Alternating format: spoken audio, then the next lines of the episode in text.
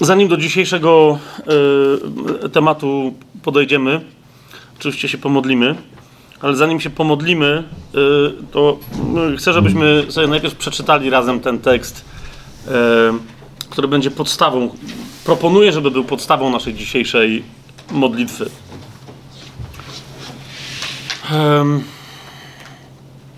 To jest 17 rozdział Ewangelii Jana.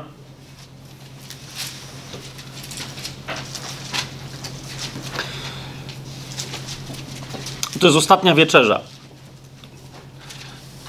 I my wiemy dobrze, co się działo w czasie ostatniej wieczerzy, z tych rzeczy, które Duch Święty chciał, żebyśmy dobrze wiedzieli. No I tam się wydarzają bardzo istotne kwestie. W Ewangelii Jana akurat e, nie ma opisu e, mm, pamiątki wieczerzy. Nie, nie ma w ogóle całej tej sceny, którą znamy z pozostałych Ewangelii, a zwłaszcza z pierwszego listu do Koryntian, e, w którego studium właśnie jesteśmy. Więc nie ma opisu e, pamiątki, ale to dlatego, że Jan na innych kwestiach chciał się skoncentrować, na, na przykład na obmywaniu e, nóg, którego, której to czynności, którego to aktu i znaku nie ma nigdzie opisanego, tylko, tylko u Jana. Tak? Więc Pan Jezus robi bardzo istotne rzeczy, mówi bardzo istotne rzeczy. E, I parę rozdziałów poprzedzających ten 17 rozdział E, to jest cały czas wypowiedź Pana Jezusa na temat najistotniejszych rzeczy, jakby chciał nie zapisać, ale wypowiedzieć swój testament. Mówi o Duchu Świętym jako o nowym pocieszycielu, który ma przyjść. Mówi o miłości wzajemnej. E, jeżeli Pan Jezus coś ustanawia w czasie ostatniej wieczerzy, to jest właśnie to jest właśnie nowe przykazanie, żebyście się wzajemnie miłowali tak, jak ja was umiłowałem. I kończy tę swoją długą wypowiedź na temat różnych kwestii modlitwą. My wiemy, że Pan Jezus się non-stop modli, ale mamy mało takich fragmentów w Biblii, w których wiemy, y, jak się modli. Tylko wiemy, że On się modli. I mamy parę fragmentów, gdzie, gdzie go słyszymy modlącego się, jak mówi do Ojca. Co mówi? A to E, jest z tych wszystkich fragmentów de facto tekst najdłuższy.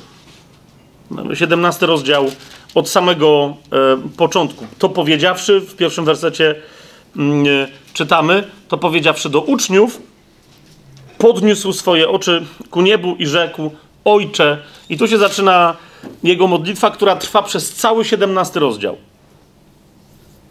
Teraz rozumiecie, że e, jak Pan Jezus mówi do swoich uczniów, to jest dokładnie tak jak u Hitchcocka, zaczyna od trzęsienia ziemi.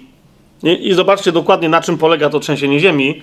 Nie będę teraz się rozwodził na ten temat, ale tam się pojawia trzęsienie ziemi, bo mówi Pan Jezus, a się pojawia ojciec i zaczyna mówić jego głosem, więc tam są trzęsienia ziemi dosyć poważne.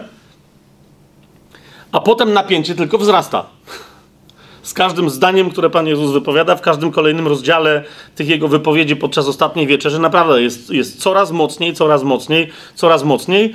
I jak kończy swoje wypowiedzi do uczniów, ale modli się tak, żeby słyszeli, żeby Jan pod natchnieniem ducha mógł zapisać to, o czym on mówi, e, napięcie wcale nie maleje. Tylko, tylko sięga, absolutnie sięga zenitu.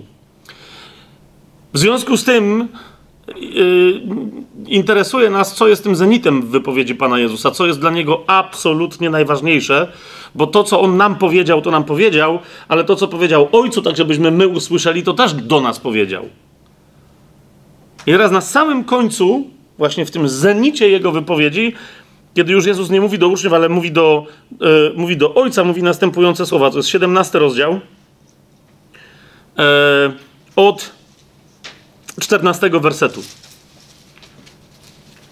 Jezus patrzy na przyszłość swojego ciała, czyli tego, co potocznie nazywamy Kościołem. Patrzy na, na najbliższych mu apostołów, uczniów, uczennice. Patrzy też na ciebie i na mnie, ponieważ za chwilę w tym tekście, który wypowie, ty się znajdujesz i ja też, dosłownie, on patrzy na nas, patrzy na wszystkie pokolenia wierzących, aż do momentu, kiedy powróci na ziemię i mówi tak, ewidentnie chcąc od Boga tylko jednego. mówi tak: Ja dałem im Twoje słowo, a świat ich znienawidził, bo nie są ze świata, jak i ja nie jestem ze świata. Nie proszę, abyś zabrał ich ze świata, ale abyś zachował ich od złego. Niektórzy mówią, to jest jedna z próśb Pana Jezusa, którą zanosi do Ojca. Nie, nie, ale on to precyzuje. No, bo oczywiście mówi, nam powiedział, módlcie się do Ojca, zachow- zbaw nas ode złego. No tak się modlimy do Ojca. Ale on idzie dalej. Abyś zachował ich od złego. Nie są ze świata, jak i ja nie jestem ze świata. Co to znaczy zachowaj ich od zła, od złego? Jezus mówi w 17 wersecie: Uświęć ich w Twojej prawdzie. Twoje słowo jest prawdą. Jezus się modli o taki rodzaj zachowania od złego, który jest przeciwieństwem zła, więc jest uświęceniem. To jest bardzo istotne. Ok? I, ale idzie dalej. Jak ty posłałeś mnie na świat, tak i ja posłałem ich na świat. Jezus wy, jakby wyjaśnia nam, czemu on się tak modli. Ponieważ was posłałem, to potrzebuję, żebyście byli święci. Mówi, a ja za nich uświęcam samego siebie, aby i oni byli uświęceni w prawdzie. A więc mówi, ojcze, przez moje uświęcenie ty ich uświęć. To jest, to jest droga naszego uświęcenia. A nie tylko za nimi proszę, mówi Jezus, tu jesteś ty i ja, patrz. A nie tylko za nimi proszę, ale i za tymi, którzy przez ich słowo uwierzą we mnie. Teraz siedzimy i rozważamy słowo. Ich czytam z Ewangelii Jana, który tam siedział. Ewangelia Jana jest jedną z tych, przez które ja osobiście bezpośrednio uwierzyłem. Masz, masz miliony ludzi w historii, jeżeli nie setki milionów, w historii, którzy uwierzyli przez takie fragmenty jak Jan 3,16 i tak dalej. Nie? Nie tylko za nimi proszę, ale i za tymi, którzy przez ich słowo uwierzą we mnie. Po co? Aby wszyscy byli jedno. Uświęcenie, które jest ekstremalną formą bezpieczeństwa i wolności od zła, zawsze wyraża się w jedności ciała Chrystusa. Nie ma indywidualnej drogi uświęcenia. I dlatego Jezus te wszystkie rzeczy wcześniej się mówi, zachowaj ich od złego, fantastycznie, uświęć ich fantastycznie, ale mówi to, ale, ale skąd oni będą wiedzieć, że są zachowani od złego i że idą drogą uświęcenia, że się uświęcają tak jak ja jestem święty, mówi przez jedność. Aby wszyscy byli jedno. I to, jak Pan Jezus nam dał przykazanie miłości, to On nie jest pierwszym, który dał przykazanie. On, to, to przykazanie, On jest tym, który dał nowe przykazanie miłości. Już pamiętacie, nie, ja nie pamiętam, ale w którymś tam sezonie o tym mówiłem. Tak? Przykazanie miłości znajdziesz w prawie mojżeszowym. I to tak precyzyjnie rozpisane, że wielu chrześcijan się drapie po głowie, jak je pierwszy raz na oczy widzą, co tam jest napisane, bo go nie wypełniają. Nie wypełniają nie Jezusowego, ale mojżeszowego prawa miłości. Po prostu nie wypełniają go. A Pan Jezus powiedział: Ja wam daję nowe przykazanie. Nie, żebyście się miłowali, bo takie przykazanie już było. Ja wam daję nowe przekazanie, żebyście się miłowali tak, jak ja was umiłowałem. A to jest coś zupełnie nowego. Ok? I teraz, jak mówi, proszę za nimi, żeby byli jedno, to znowu Jezus mówi: Nie proszę, żeby byli jedno, tak jak ludzie czasem potrafią być jedno. Potrafią się wokół jakiejś idei, wokół jakiejś, e, jakiegoś nieszczęścia, na przykład potrafią się zjednoczyć na, na jakiś czas i wszyscy mówią: O, zobaczcie, oni, oni są teraz jedno. Okej, okay. przykładem jedności po ludzku jest małżeństwo. Opuści człowiek ojca i matkę i złączy się ze swoją żoną i będą jednym ciałem. Ale potem my wiemy, jak tam z tą jednością tych ciał bywa. Wiecie, o co mi chodzi? Jezus mówi, nie, ja się modlę do Ciebie, Ojcze, i jednocześnie mówi to na głos, abyśmy my to słyszeli. Mówi, aby wszyscy byli jedno, nie tak jak oni sobie wyobrażają jedność, ale aby wszyscy byli jedno, jak Ty, Ojcze, we mnie, a ja w Tobie. Aby oni w nas byli jedno, aby świat uwierzył, że Ty mnie posłałeś. Jezus nas posłał, zauważcie, wcześniej powiedział, że yy, ja ich posłałem. 18 werset. Jak ty posłałeś mnie na świat, tak i ja posłałem ich na świat.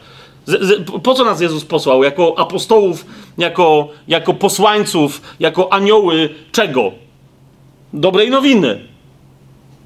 Która jest dobrą nowiną o nim, o Jezusie. Teraz zauważcie, będziemy absolutnie nieskuteczni i 2000 lat hi historii Kościoła pokazuje, że zawsze jest, byliśmy, jesteśmy i będziemy nieskuteczni, kiedy nie będziemy jedno. Będziemy przekonywać ludzi jakkolwiek siłą, ogniem, mieczem, przykładem, męczeństwem osobistym do dobrej nowiny o Jezusie i, i, i potem możemy się tylko sfrustrować i powiedzieć, czemu ci ludzie nie chcą słuchać. A, a Jezus nam mówi wyraźnie. Jak będziecie jedno, to, to będziecie w stanie wykonać misję. Nie macie jej wykonywać indywidualnie, ale moje ciało ma wykonać misję, którego wy jesteście cząstką. Aby wszyscy byli jedno, jak Ty, Ojcze, we mnie, a ja w Tobie, aby i oni byli w nas jedno, aby świat uwierzył, że Ty mnie posłałeś. I dałem im tę chwałę, którą mi dałeś, aby byli jedno, jak my jesteśmy jedno. Kościół będzie poważany, Kościół będzie wzbudzać zachwyt albo przerażenie, będzie budzić w ludziach miłość i pragnienie przyjścia do Boga, albo nienawiść, a w związku z tym będzie atakowany przez objawianie chwały. Ale Kościół nie może zaświecić, nie może zademonstrować żadnej chwały, kiedy nie jest jedno. Jeszcze, jeszcze bo Jezus nie daje chwały indywidualnie. Ok? Tylko, zwłaszcza, że wtedy ona się natychmiast u, u pojedynczego człowieka, czy nawet u małych grup ludzi, zamienia w pychę. Jezus daje chwałę całej swojej oblubienicy. I albo ona cała ma tę chwałę, albo nie jest w stanie jej zademonstrować. I wtedy nikt jej nie ma. Nie ma żadnej grupy ręki oblubienicy albo nogi oblubienicy, która. Rozumiecie? Teraz ja mówię pewne rzeczy z Ewangelii Jana, bo się chcemy pomodlić. Niektórzy z Was pewnie sobie myślą, zaraz, a to nie mamy rozważać pierwszy do Koryntian. Właśnie rozważamy pierwszy do Koryntian. Więc żeby się uczciwie pomodlić o to rozważenie, bo dziś będziemy dotykać e, bardzo prostych, ale przez to, że prostych, to bardzo niełatwych e, tematów, które się zaogniły, bywa, że przez kilkaset lat, nawet więcej niż kilkaset lat w kościele. I dlatego to musimy zrozumieć. Jeżeli gdzieś jest jakaś część w ciele Chrystusa, która naprawdę jest uświęcona, czysta, wspaniała i mówi, dobra, co nie będę przejmować całą resztą. Ja jestem piękną częścią oblubienicy. Wyobraźcie sobie urąbaną różnymi rzeczami panią młodą. Różnie, nie wiem, co sobie wyobrazicie. Niekoniecznie to muszą być bardzo obrzydliwe rzeczy. Może być tylko umorusana. I wyobraźcie sobie, że ktoś do niej podszedł i umył jej rękę. Ona ma całą suknię białą, już dawno nie białą, pomiętą, potarganą, w innych częściach Polski się mówi, że podartą, poszarpaną. Ale, ale, ale, ale mówi, ale, ale mam czystą rękę. Idzie na spotkanie ze swoim, e, idzie na swój ślub. Pan młody patrzy i mówi, e, a ona mówi, ale mam czystą rękę. Cześć to? Zobacz, mam pazury zrobione na tej. Na tej mam pod pazurami jeszcze brud, co prawda, i trochę krwi, bo się biłam z jedną dziewczyną. O ciebie, panie Jezu! Ale to na tą rękę nie patrz. Popatrz na tą, ta jest piękna, ta jest zrobiona, to jest elegancka, elegancka. Tą oszczędzałam. Tu miałam rękawiczkę, ona była ochroniona, jest ta jest dla ciebie. Przecież w końcu prosiłeś o moją rękę. No to naści. Jezus mówi, że nie ma czegoś takiego. Albo cała oblubienica ma chwałę, albo jeżeli tylko część oblubienicy ma chwałę, to to tylko podkreśla kompletny brak chwały, jeżeli wiecie o co mi chodzi. Nie? Ja w nich, 23 werset Pan Jezus mówi, a Ty we mnie, aby byli doskonali w jedno. Żeby świat poznał, że Ty mnie posłałeś i że umiłowałeś ich, jak i mnie umiłowałeś. I poznanie, i miłość przychodzą do świata i są objawiane światu przez doskonałość ciała Chrystusa w jedności. Ojcze, chcę, aby ci, których mi dałeś, byli ze mną tam, gdzie ja jestem, aby oglądali moją chwałę, którą mi dałeś, ponieważ umiłowałeś mnie przed założeniem świata. Ojcze Sprawiedliwy, świat Ciebie nie poznał, ale ja Ciebie poznałem i oni poznali, że Ty mnie posłałeś. Objawiłem im Twoje imię i jeszcze objawię, aby miłość, którą we mnie, którą mnie umiłowałeś, była w nich i ja w nich. Jesteśmy ciałem Chrystusa tylko i wyłącznie w jedności. Wtedy możemy być wydoskonaleni nie przez jakiegoś rodzaju wiedzę, która by nas wpędziła w pychę, ale przez miłość, którą On dla nas ma, którą nas wypełnia i którą my możemy się dzielić z innymi, wierzącymi i niewierzącymi. aby, jak mówi Ewangelia Mateusza, inni widząc nasze dobre uczynki, które są zawsze uczynkami miłości, a nie uczynkami posłuszeństwa jakimś religijnym doktrynom, aby inni widząc wasze dobre uczynki, powiedział Pan Jezus, chwalili Ojca, który jest w niebie. Amen? Czemu takie wprowadzenie robię dzisiaj, kiedy de facto tematem naszego y, dzisiejszego studium jest, y, jest temat pierwszego listu do Koryntian? De facto. Całe dzisiaj spotkanie chciałem, żebyśmy poświęcili celowi, po co pierwszy list do Koryntian został napisany, bo przez kogo i do kogo i kiedy to sobie ostatnio rozważaliśmy, po co został napisany i w związku z tym, jak de facto wygląda jego plan. Teraz mam nadzieję, że nam się uda odpowiedzieć na pytanie, po co pierwszy list do Koryntian został napisany do Koryntian. Mam nadzieję, że nam się to dzisiaj uda. Dlaczego? Dlatego, e, że można byłoby wyrazić ten cel jednym zdaniem, ale ze względu właśnie na zamieszanie wręcz tyczące się definicji poszczególnych słów, bo dzisiaj będziemy się musieli posłużyć słowami takimi jak, obczajcie, apostazja, ekskomunika, schizma, herezja. Będziemy się musieli posłużyć tymi, tymi słowami. Dlatego, że Paweł się nimi posługuje. Eee, no to czujecie, co się teraz dzieje. No, okej, okej, okej. Przez parę lat różni nas gonili, różni nas ścigali i, i wyzywali, zwłaszcza mnie, za różne herezje i różne rzeczy, które robiłem. No teraz ja im się odpłacę dzisiaj. Niby robiąc studium z pierwszego do Koryntian. Będziemy musieli rozważyć, co to jest herezja. Niektórzy z Was mogą dzisiaj odkryć, że nie wiedzą, co to jest herezja. Albo że nie wiedzieli do tej pory i teraz się dopiero dowiedzą. Nie co herezja oznacza w ustach różnych religijnych ludzi, ale co ono oznacza, to słowo z punktu widzenia biblijnego, w jakim kontekście posługiwał się nim Paweł oraz na przykład Pan Jezus. Akurat on się posługiwał słowem schizma. Tu się niektórzy bardzo zdziwią. Więc ze względu na to, że niektóre słowa ma, ma, są upchane treściami, które nie mają często niczego wspólnego z Biblią, a w niektórych przypadkach, ze względu na to, że niektóre słowa są zdefiniowane w naszym doświadczeniu religijnym odwrotnie niż w Biblii, żeby sobie wyjaśnić cel napisania pierwszego listu do Koryntian, będziemy sobie musieli parę zjawisk powyjaśniać. Ok? Ale wszystko, jeszcze raz, wszystko w nas, w, naszym, w tym studium, zwłaszcza pierwszego listu do Koryntian, ma zmierzać do tego, i o to chcemy prosić, i takiego owocu szukamy, o jaki Pan Jezus prosił. Wszystko ma zmierzać do jedności. On już nam tę jedność wysłużył, on tę jedność swojemu ciału dał. Teraz idzie o to, żebyśmy my pojęli, na czym ona polega, jak się sprawuje ta jedność. Jak mm, Paweł w liście do Filipian napisał, żeby, żebyśmy nasze zbawienie sprawowali z drżeniem, pamiętacie ten fragment? To jednym z aspektów sprawowania naszego zbawienia jest dbałość o jedność ciała Chrystusa. I nie ma tu ani jednej osoby e, na tej sali, ani jednej, która będzie słuchać tego, kto, ja mówię o, o, o zbawionych osobach teraz, tak? Nie ma ani jednej osoby, która byłaby zwolniona z tej odpowiedzialności, albo która by nie miała jakiegoś odcinka odpowiedzialności wyłącznie sobie przeznaczonego. Niektórzy mówią, że nie, ja wiem, że jestem odpowiedzialny za jedność, ja, ja, ja wiem. I czasem ich celowo pytam, a konkretnie ty masz który odcineczek, za który jesteś odpowiedzialna? Czy odpowiedzialny. Wtedy jest takie. No nie wiem, no nie kłóca się z nikim. Rozumiesz o co chodzi? Jest takie.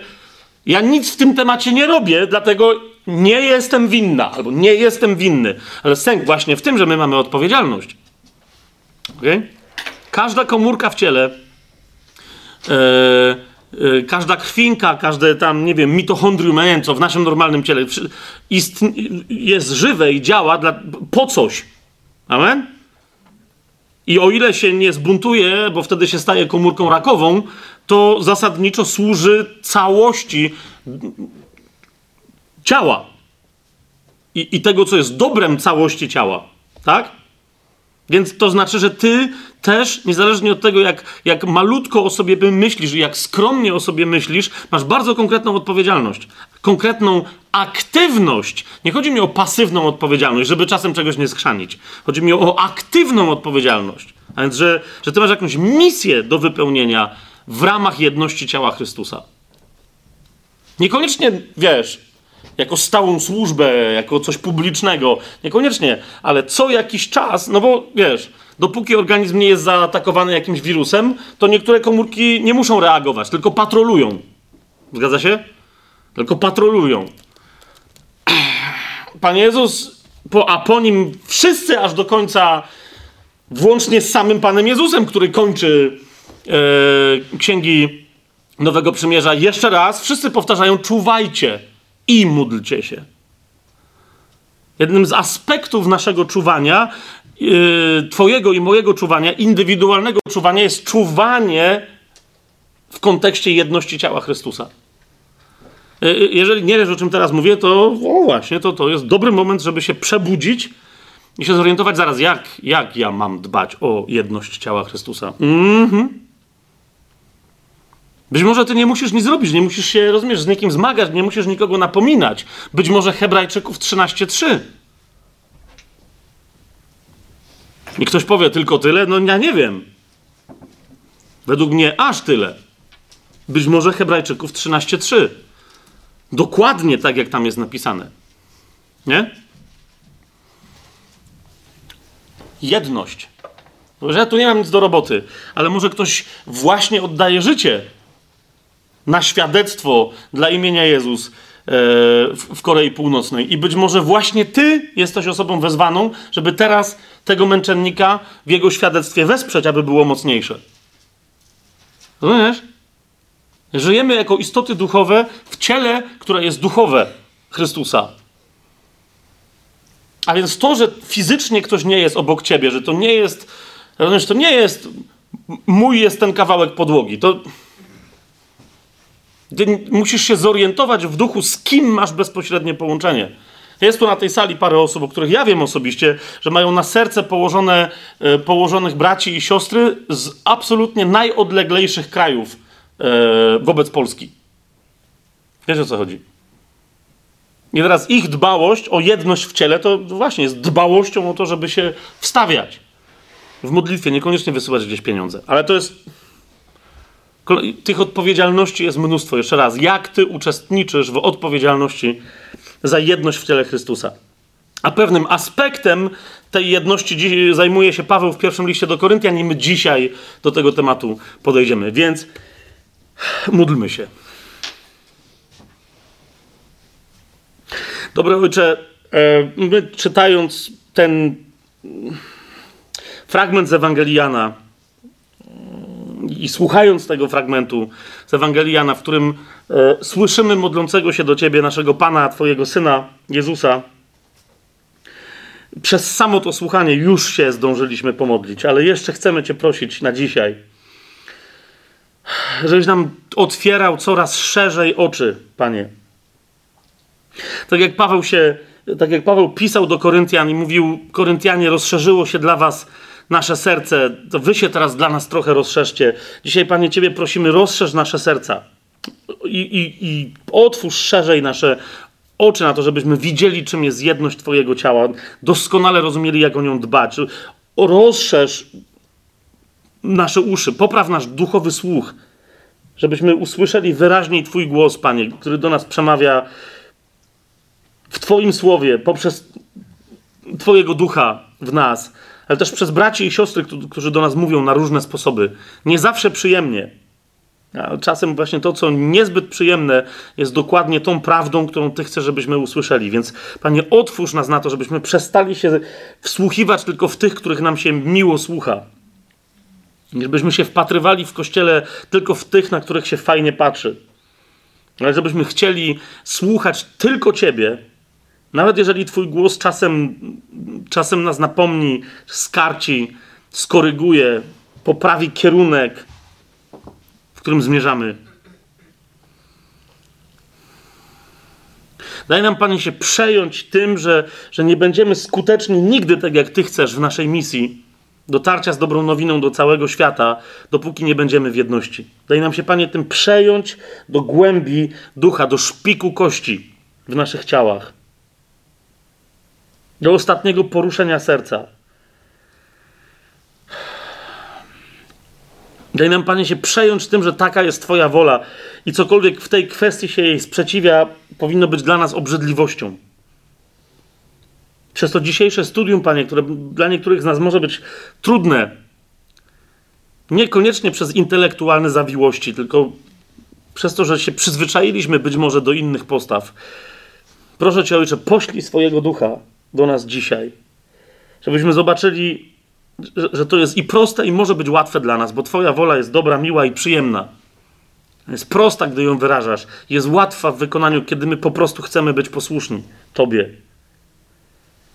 Poślij swojego ducha, Panie.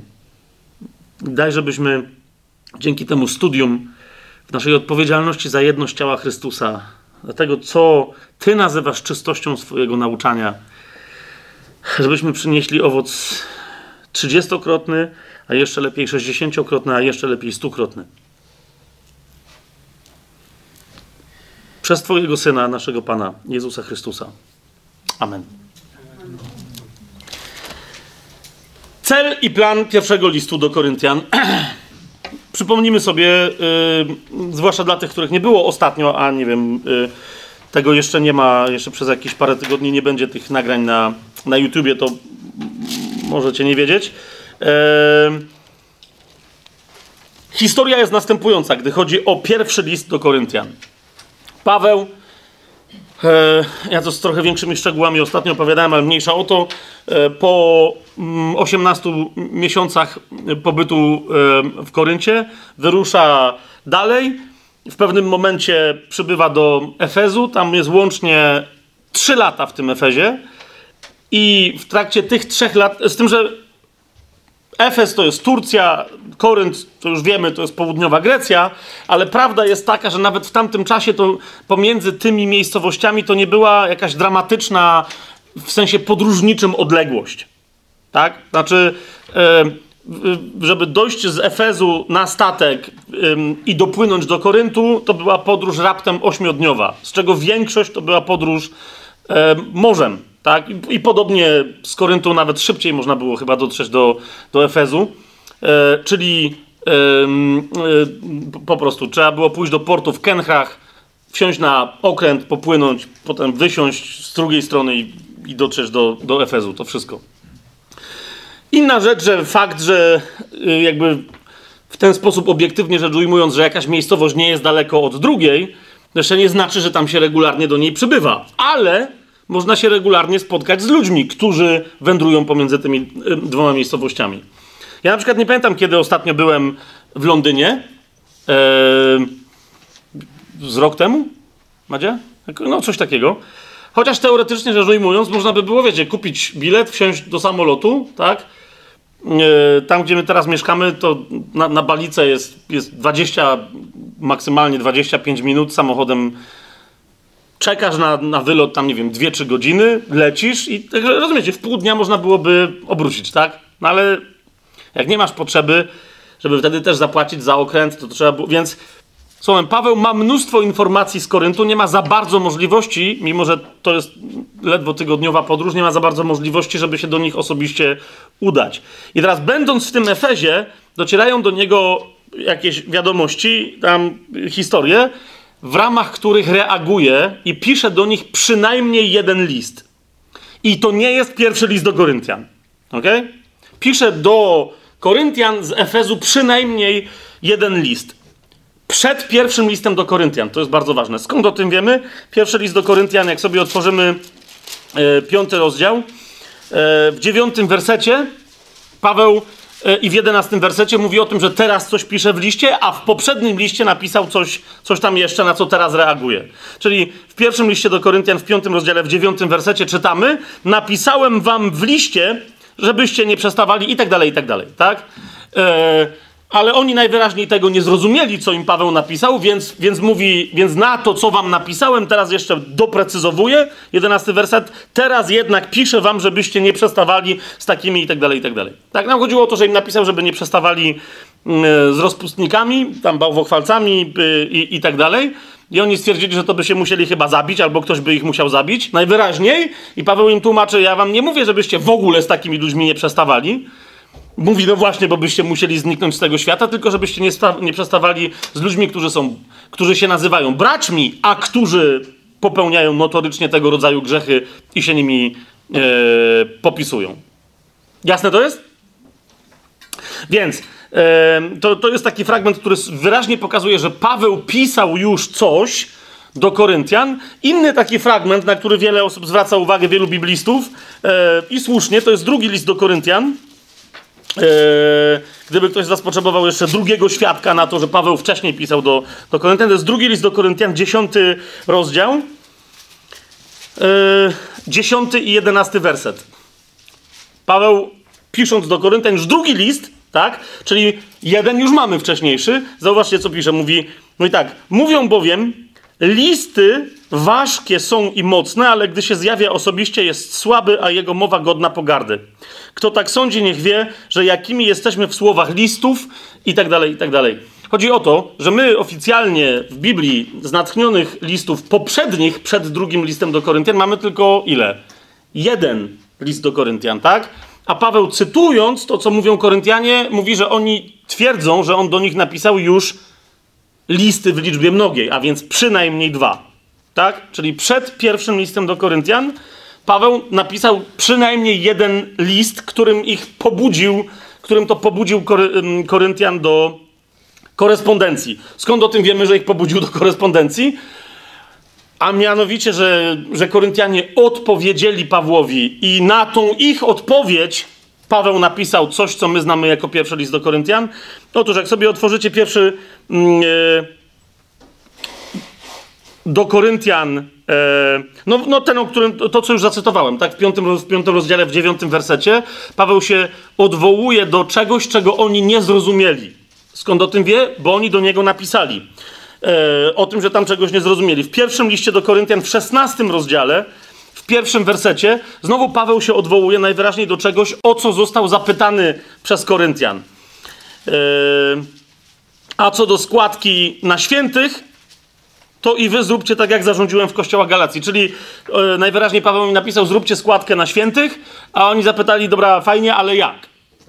Tak? I, i, i, I Paweł im odpowiada. Niektórzy mówią, no ale to mogli przyjść ludzie i się zapytać, bo widać, że Paweł jest, został odwiedzony. W 16 rozdziale, w 17 wersecie jest napisane: Cieszę się z przyjścia Stefanasa, Fortunata i Achaika, bo wypełnili wasz brak. Z tego zdania wynika, że oni przyszli, przybyli, przywędrowali, przypłynęli z Koryntu, ale, ale Paweł sam wyraźnie pisze, że okej, okay, od takich ludzi mógł dostać pytania, ale dostał też pytania w liście, w pierwszym liście do Koryntian, w siódmym rozdziale, Paweł mówi, że po tym, co on sam do nich napisał, dostał jakiś list, bo czytamy, co do spraw, o których mi pisaliście. I zaczyna, dobrze jest mężczyźnie nie dotykać kobiety i tak dalej, i tak dalej. A więc najwyraźniej, no, kto, jeżeli nie Koryntianie, mieli problem e, e, ze sferą e, mm, e, etyki seksualnej, nie tylko małżeńskiej i tak dalej, i tak dalej. I to widać w pierwszym i drugim liście do Koryntian, że Paweł tam bardzo mocno ich na ten temat naucza. A zatem mamy jaką sytuację? Paweł wobec czegoś, o czym się dowiedział, reaguje i pisze do Koryntian: Halo, jo, co tam się dzieje z wami? I coś im tam wykłada, nie wiemy co. Koryntianie na to reagują i my troszeczkę wiemy, co jest w ich reakcji, no bo mamy piąty rozdział, siódmy rozdział, szesnasty rozdział, tak? Niektórzy twierdzą, że zasadniczo wszystko w pierwszym liście do Koryntian od początku siódmego rozdziału aż do szesnastego to są odpowiedzi Pawła na zagadnienia, które, o które Koryntianie zapytali go w liście. A wszystko, co się znajduje w pierwszym liście do Koryntian do szóstego rozdziału włącznie, to są rzeczy, na które Paweł reaguje, o których Koryntianie mu nie napisali w liście, ale o których donieśli Pawłowi na przykład ludzie Chloe i inni ludzie, którzy, których, y, których on tam wymienia, bywa niektórych y, konkretnie z, z imion. Teraz ten model, ok, stanowi najczęściej, e, dzisiaj nawet sprawdzałem, e, to się nazywa International Standard Bible Encyclopedia i, on, i nawet tam oni to podają jako podstawowy plan i rozkład pierwszego listu do Koryntian. Tak? Czyli, że pierwszy list do Koryntian składa się z pozdrowień w pierwszym rozdziale, następnie aż do końca szóstego rozdziału, że Paweł reaguje na rzeczy, o których się dowiedział o Koryntianach, ale nieoficjalną drogą. Tak? Mm, e, dlaczego tak? No bo na przykład w pierwszym liście do Koryntian, w pierwszym rozdziale, w jedenastym wersecie czytamy Doniesiono mi bowiem o was, moi bracia, przez jakichś tam ludzi Chloe, że są wśród was spory. I niektórzy mówią, no, więc tutaj Paweł już w pierwszym rozdziale mówi, pierwsze co chcę załatwić to rzeczy, o których się o was dowiedziałem, a o których nie raczyliście mi napisać.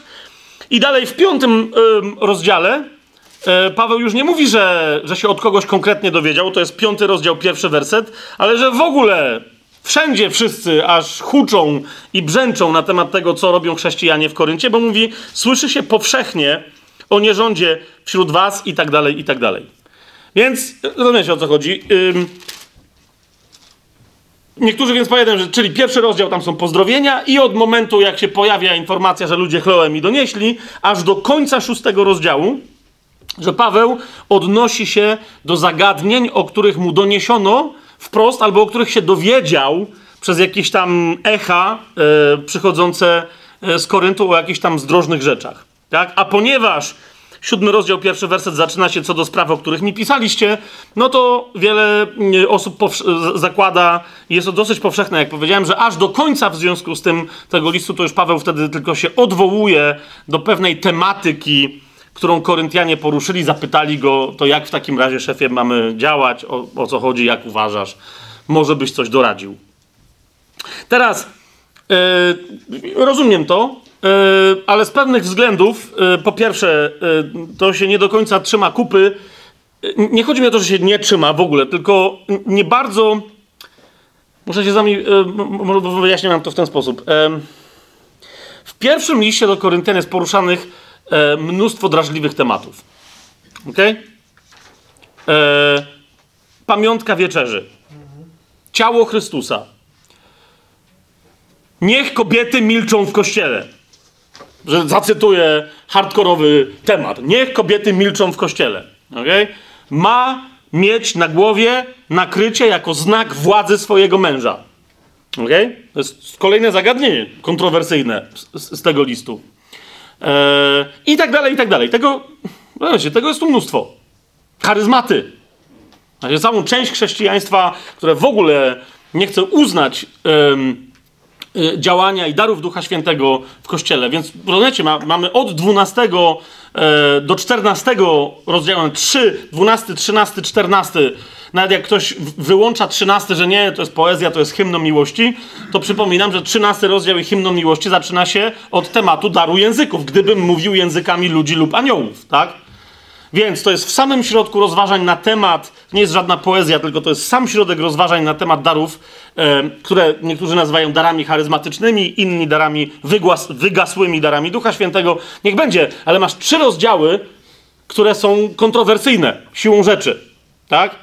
E, już nie wspomnę o tym, że ci, którzy wierzą, że dobra, są te dary, to teraz następnie, ale jak one mają działać? I tam się teraz zaczyna, czy wszyscy mówią językami, czy nie wszyscy. No bo wiecie o co chodzi, już rozważaliśmy w poprzednich sezonach temat, czy mówienie językami jest koniecznie znakiem, że ktoś jest ochrzczony w Duchu Świętym, czy nie. No wiecie o co mi idzie. Pierwszy list do Koryntian jest przez niektórych postrzegany jako zarzewie, dosłownie, teologiczne zarzewie mnóstwa konfliktów w Kościele. Ok? I teraz jak w związku z tym, a, a teraz Inni niekoniecznie tak mówią, no bo jak, coś przecież to Duch Święty, Duch Święty przecież nie natchnął czegoś, żeby się potem chrześcijanie kłócili. No hello! Więc jakby brawo dla trzeźwych, tylko że następnie czy ci trzeźwi mówią, nie no przecież to nie o to chodzi. Nie, Duch Święty tu jasno powiedział, kto jest głupi. To on tu nie nic, żadnego zarzewia, nie, tylko nam po prostu pokazał, jakim młotkiem albo skalpelem mamy kogo jak pociąć, żeby mu yy, wrzody, które u niego widzimy, szybciej pękły. I w związku z tym bardzo wiele osób czyta e, pierwszy list do Koryntian, zwłaszcza pierwszy list do Koryntian, absolutnie wybiórczo, w takim sensie, że znają na pamięć cytaty z tego listu, nie, nie pamiętając w ogóle, na przykład często znają cytat, który się składa z połowy wersetu i jak ich zapytasz, jaka jest reszta wersetu, to nie wiedzą. A jak zaczynają czytać, jaka jest reszta wersetu, to nagle stwierdzają, ty, ale to o, o czym to jest? To jest, co? Jak to? Dlaczego? Yy... Na przykład podam taki przykład. Nie wiem, yy, pamiętacie taki fragment, ja słyszałem mnóstwo kazań, że nie powiedział, że ja sam wygłosiłem trochę nauczeń na, na temat dokładnie tego cytatu, który teraz przywołam. Cóż masz, czego byś nie otrzymał? Cóż masz, czego byś nie otrzymał? A jeżeli otrzymałeś, to dlaczego się chlubisz, jakbyś nie otrzymał? Znacie ten cytat? Cóż masz, czego byś nie otrzymał? Teraz, o czym jest ten fragment? Ten, ten cytat. Cóż masz, czego byś nie otrzymał? Przestań się chlubić, dziadu.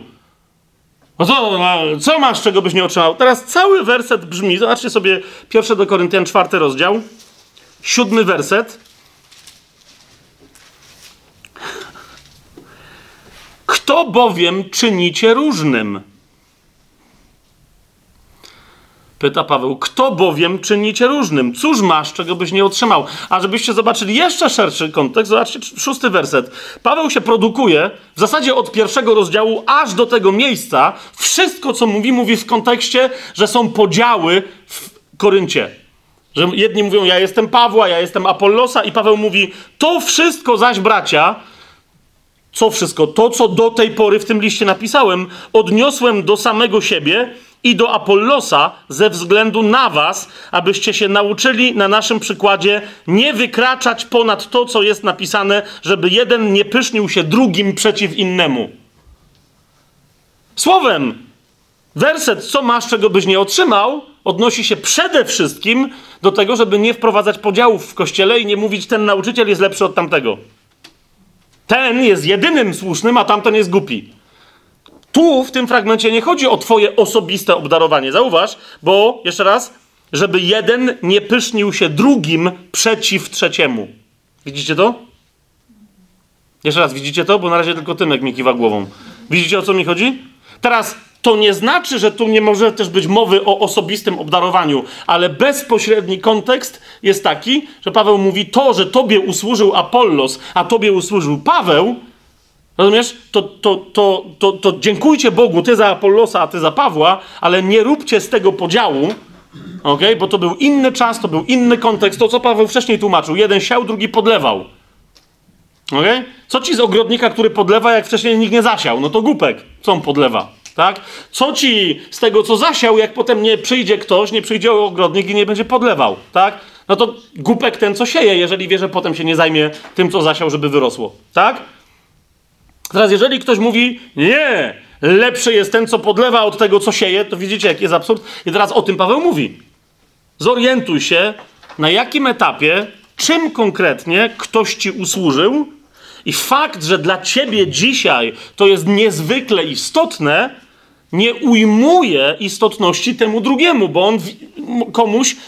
Rozumiesz, ty tu jesteś, jakbym zadał teraz tobie pytanie, siostro bracie, kto ciebie, nawiasem mówiąc, wiele osób w kościele powinno sobie zadać takie pytanie, e, bo jeżeli sobie go nie zadają, to nie mają odpowiedzi, a jak nie mają odpowiedzi, to wpadają w pychę. Pytanie mianowicie brzmi, kto ciebie zrodził? Kto ciebie zrodził do Ewangelii? Kto ciebie przez głoszenie Ewangelii zrodził do nowego życia w Chrystusie? Dlaczego o to pytam? Bo, bo Bóg zawsze rodzi przez czyjeś konkretne głoszenie, czyjeś konkretne świadectwo. Mamy dzisiaj natomiast nawał ludzi e, w kościele, którzy twierdzą, że mnie nikt nie rodził, ja się sam urodziłem. Jasne.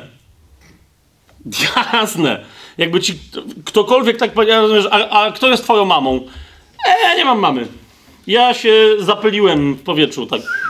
I urosłem w wodzie. Nonsens, tak? Zauważ, jak wielu ludzi, no tu niektórzy z was zadali sobie pytanie, właśnie, kto mnie zrodził? Zgadza się, czasem to może być złożone. Ktoś ci powiedział świadectwo, potem ktoś ci głosił, potem ktoś ci pokazał coś w Biblii, ty potem czegoś posłuchałeś na YouTubie, potem tu, ja, to, ja wiem, że żyjemy, żyjemy w, w, dziwnych czasach, ale jak zadasz pytanie nie sobie, co ty sądzisz, ale Duchowi Świętemu, Duchu Święty, przez czyją usługę w pierwszej kolejności ty mnie zrodziłeś? To odpowiedź nadal Ducha Świętego może być złożona, ale będzie klarowniejsza. Paweł mówi Koryntianom: Ja z Apollosem was rodziliśmy. Ja siałem, on podlewał. A jak on podlewał, to przy okazji też coś dosiał, tak? To wszystko robił Chrystus, ale macie, ale, ale, ale później Paweł mówi, ale ja, możecie mieć wielu wychowawców w Chrystusie, ale ja jestem waszym ojcem. Ja was spłodziłem, ja was zrodziłem, a potem kto inny was wychowywał. Okej, okay, no to może taki ze mnie ojciec, ale ja was spłodziłem i was zrodziłem. Nie zaprzeczycie. Kto ciebie zrodził? Kto ciebie rodził? Rozumiesz, nie, nie, nie wypieraj się usługi kogoś, kogo posłał Duch Święty, bo wyprzesz się Ducha Świętego niechcący w tym jego działaniu. Rozumiesz?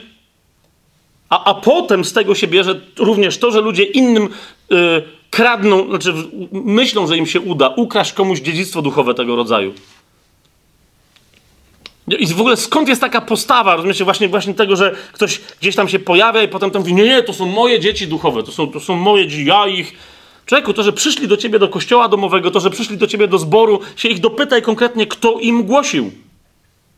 Rozumiesz? Nie kradnij dzieci ludziom, przez których Duch Święty rodził, bo kradniesz Duchowi Świętemu. Ale jeszcze raz, o tym będziemy więcej nieco mówić, jak, jak tam się sprawy mają, kto jest wychowawcą w Chrystusie, a kto rodzi w Chrystusie. Niemniej odpowiedz sobie na to pytanie, bo tu się, za, tu się bardzo często zaczynają zarzewia wszystkich konfliktów, yy, nawet denominacyjnych. Kto komu co zrobił, kto kogo zdradził, kto komu coś powiedział, a ten go potem nie posłuchał. Kto miał prawo i autorytet, a kto i tak dalej, i tak dalej. Kto ciebie zrodził? Więc więc przy okazji pierwszego listu do Koryntian, często nasza. Nie, niektórzy. Y, miałem naprawdę mnóstwo takich rozmów, kochani, gdzie ludzie mnie przekonywali, że znają. Pierwszy list do Koryntian znają na wylot. Absolutnie od podszewki na wylot mają. Absolutnie jest temat prześwietlony. I wtedy. E, pytam na przykład, to jak w takim razie widzisz temat, jak Paweł odróżnia pyszałków od słabych? w pierwszym liście do Koryntian. I nagle jest. Co się tam stało? Komu? Co? Jak odróżniasz poznanie duchowe od wiedzy, która wbija w pychę, bo Paweł to wyraźnie tłumaczy. Okay? Jakie są znaki rozpoznawcze apostoła? Jakie są znaki rozpoznawcze apostoła? Musiała odpowiednio duża większość w zborze zagłosować, żeby ktoś dostał tytuł, czy Paweł, który bezczelnie mówi: Ja jestem apostołem? Ja jestem najmniejszy z nich wszystkich tych, o których wy wiecie, ale nadal jestem i pracowałem więcej niż oni. Co prawda nie ja, ale łaska, ale zawsze. I pytam, no to w takim razie jakie cechy Paweł podaje? Czym, czym, czym charakteryzuje się usługa apostoła? Wiecie o co mi chodzi? Paweł bardzo konkretnie porusza, mówi, zadaje pytanie, czym się różni ciało duchowe od tego ciała, które teraz mamy materialnego? Bo może my zmartwychwstaniemy w taki sposób, że nowego rodzaju mm, materią będziemy zarządzać, a więc, że to będzie ciało materialne, nie zarządzane duszą, ale zarządzane duchem, to powinieneś już wiedzieć, tak? Bo czytałeś je, masz, znasz, pierwsze do Koryntian na wylot. To powinieneś wiedzieć, ale jaki będzie mieć charakter to ciało duchowe? Dalej, jak już to wiemy. I niektórzy mrugają oczami. Paweł, gdzie tak pisze? W pierwszym do Koryntian, w 15 rozdziale. A to, że ty z tego 15 rozdziału pamiętasz pierwszych 10 wersetów, to nie jest moja wina. To ty uważasz, że masz przeczytany cały 15 rozdział do końca i znasz go na wylot. Więc jeszcze raz, kochani, na początku musimy sobie uświadomić, i, i, to jest moja zachęta, jak przy każdej księdze, nawet jeżeli wydaje ci się, że znasz świetnie pierwszy list do Koryntian, Dzisiaj, po tym naszym spotkaniu, przeczytaj go jeszcze raz, ale zrób sobie taką sesję, żeby siąść do tego listu i zacząć go czytać i nie skończyć, dopóki nie dojedziesz do końca. 16 rozdziałów, to nie jest dużo. No nie jest też mało, ale chodzi mi o to, że to się da zrobić. Zobacz, jak wygląda wypowiedź Pawła. Ponieważ Paweł nie, nie pisał poezji, no niektórzy, zaraz wam powiem o dwóch modelach, które z, y, y, przedstawiających, jak niby wygląda pierwszy list do Koryntian, z którym nie, nie bardzo się zgadzam. Okay? Ale często ludzie któryś z tych dwóch modeli reprezentują i nawet czytają pierwszy list do Koryntian w ten sposób. Gdzie to Paweł pisał o małżeństwie w siódmym rozdziale? O, okej. Okay. Teraz popatrz, zadam ci pytanie. O czym jeszcze Paweł pisał, co było znacznie istotniejsze w siódmym rozdziale pierwszego do Koryntian? Wszyscy wiedzą, że Paweł tam coś pisał o małżeństwie. Okay? Niektórzy wiedzą, że w przeciwny sposób, bo tam tego nie ma, że Paweł bezpośrednio w siódmym rozdziale pozwala się znowu żenić albo znowu za mąż wychodzić. Czekaj, serio? Naprawdę Paweł tam tak napisał? Paweł tylko napisał, że jeżeli mąż albo żona się nawróci, a mąż albo żona się nie nawróci, takiego męża lub żony, to mówi, nie musisz zostać w małżeństwie z tą osobą. Więc mówi, możecie się rozejść, pozwalam na separację. A gdzie tam Paweł napisał, że w związku z tym pozwalam, że od razu z miejsca szukaj sobie nowego męża albo, albo szukaj sobie nowej żony? Teraz znowu, żeby nie było, że ja teraz do małżeństwa, do tematu małżeństwa dojdziemy i tego, co Paweł pisze w pierwszym liście do Koryntian, ale siódmy rozdział e, nie tylko na początku mówi o małżeństwie, ale mówi też na końcu. Rozumiecie, bo niektórzy, ostatnio nawet miałem parę takich rozmów i ktoś mi otwiera i mi czyta siódmy rozdział pierwszych paręnaście wersetów. I ja mówię, że dobra, wszystko się zgadza, ale jest też trzydziesty dziewiąty które mówi, żona jest związana prawem, dopóki żyje jej mąż. Jeżeli mąż umrze, wolno jej wyjść za kogo chce, byle w Panu. I rozmawiałem ostatnio z jedną siostrą, która mówi, że ona zna Biblię, ona 20 lat jest nawrócona. Rozumiecie? I ona prawie dostała zawału, nie wiem, mózgu czy oczów, że coś tam się jej chciało zawalić, bo ona stwierdziła, że ona w życiu nie widziała tego wersetu na oczy. No właśnie dlatego, tak, że skoro siódmy rozdział mówi o małżeństwie, a wszystko, co jest o małżeństwie, kończy się w pierwszych parunastu wersetach, a potem Paweł mówi o, o pewnej postawie duchowej, z czym mamy zostać, kiedy przechodzimy przez granicę nawrócenia. Tak? Z jaką, jaką, jaką, jaką postawą mamy żyć. Tak? 29 werset, zobaczcie sobie w siódmym rozdziale. Mówię to, bracia, ponieważ czas jest krótki. Odtąd ci, którzy mają żony, niech żyją tak, jakby ich nie mieli. Ci, którzy płaczą i tak dalej, i tak dalej. Więc jakby, zobaczcie, tu jest wstrząsające nauczanie nawet dla tych, którzy mówią, a co mnie tam, siódmy rozdział mnie nie interesuje, nie? Ani się nie chce rozwodzić, ani nie, e, wszystko gra. No i to wtedy mówię, stary, ale tu jest napisane, żebyś tak żył z żoną, jakbyś jej nie miał. What? Zdosłownie, niektórzy mówią tak, co? No tak, ci, którzy 31 werset, którzy używają tego świata, tak mają żyć, jakby, żeby nie nadużywali. Przemija bowiem postać tego świata. Co to znaczy mieć żonę i tak żyć, jakbyś jej nie miał? To jest dobre pytanie. Ja myślałem też, że wiem, dopóki moja żona nie wyjechała na, do, do Nepalu na misję, jej nie było parę tygodni i wtedy nagle stwierdziłem, aha, aha, aha. Czyli teraz... Bardzo poważna moja lektura. Powrót do siódmego rozdziału pierwszego listu do Koryntian. Więc kochani, e, e, jedna rzecz na początku. Zanim dojdziemy, po co Paweł, cały czas nie wiemy, po co Paweł napisał ten list. I jeszcze jak go zbudował. Jedną rzecz chcę wam powiedzieć.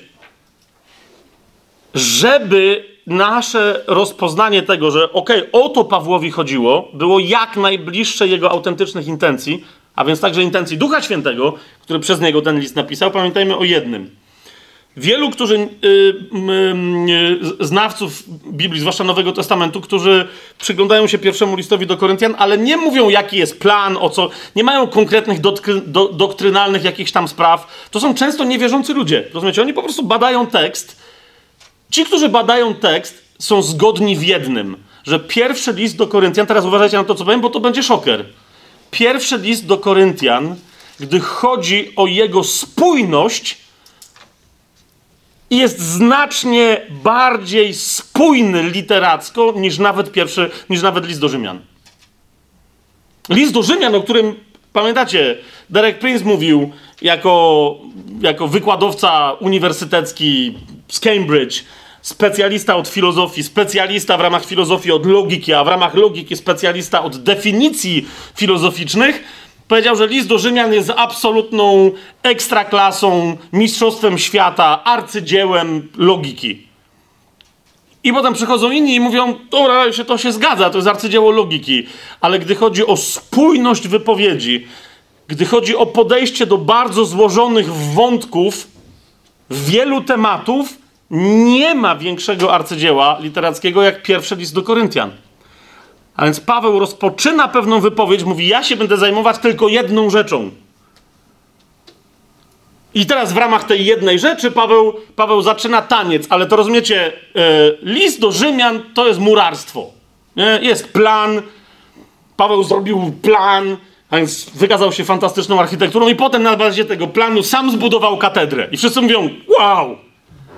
Więc jeżeli list do Rzymian jest katedrą, to pierwszy list do Koryntian jest zatańczeniem mieszanki tanga bez partnerki z najbardziej hardkorowym yy, breakdancem na czubku najwyższej wieży tej katedry, gdzie masz 2 cm kwadratowe. Słuchajcie, Paweł tam, balansując, wykonując akrobatyczne figury i nie tylko, ruszając się przepięknie, e, e, tańczy, nie mając miejsca na ten taniec i tańczy tak, że się w ani jednej sekundzie nie myli. Tańczy od początku do końca i wszyscy patrząc na tę katedrę, widząc tam Pawła tańczącego, mówią, o okej, okay. respekt. To jest pierwszy list do Koryntian. Jeżeli przyjmujemy natomiast model, w ramach którego czytanie pierwszego listu do Koryntian od początku do końca zaczyna nam się rwać, to znaczy, że przyjęliśmy niewłaściwy model i całkiem możliwe, że coś źle przeczytamy. Czy to jest jasne, co teraz powiedziałem? Wypowiedź Pawła nawet w liście do Rzymian się rwie i ktoś z was czytał list do Rzymian, wie, że Paweł w pewnym momencie buduje jedną ścianę, buduje drugą ścianę, robi wieżę, ale mówi, ok, dobra, nie mogę dokończyć, bo to mi się zawali i wraca do budowania na dole jeszcze jednej ściany.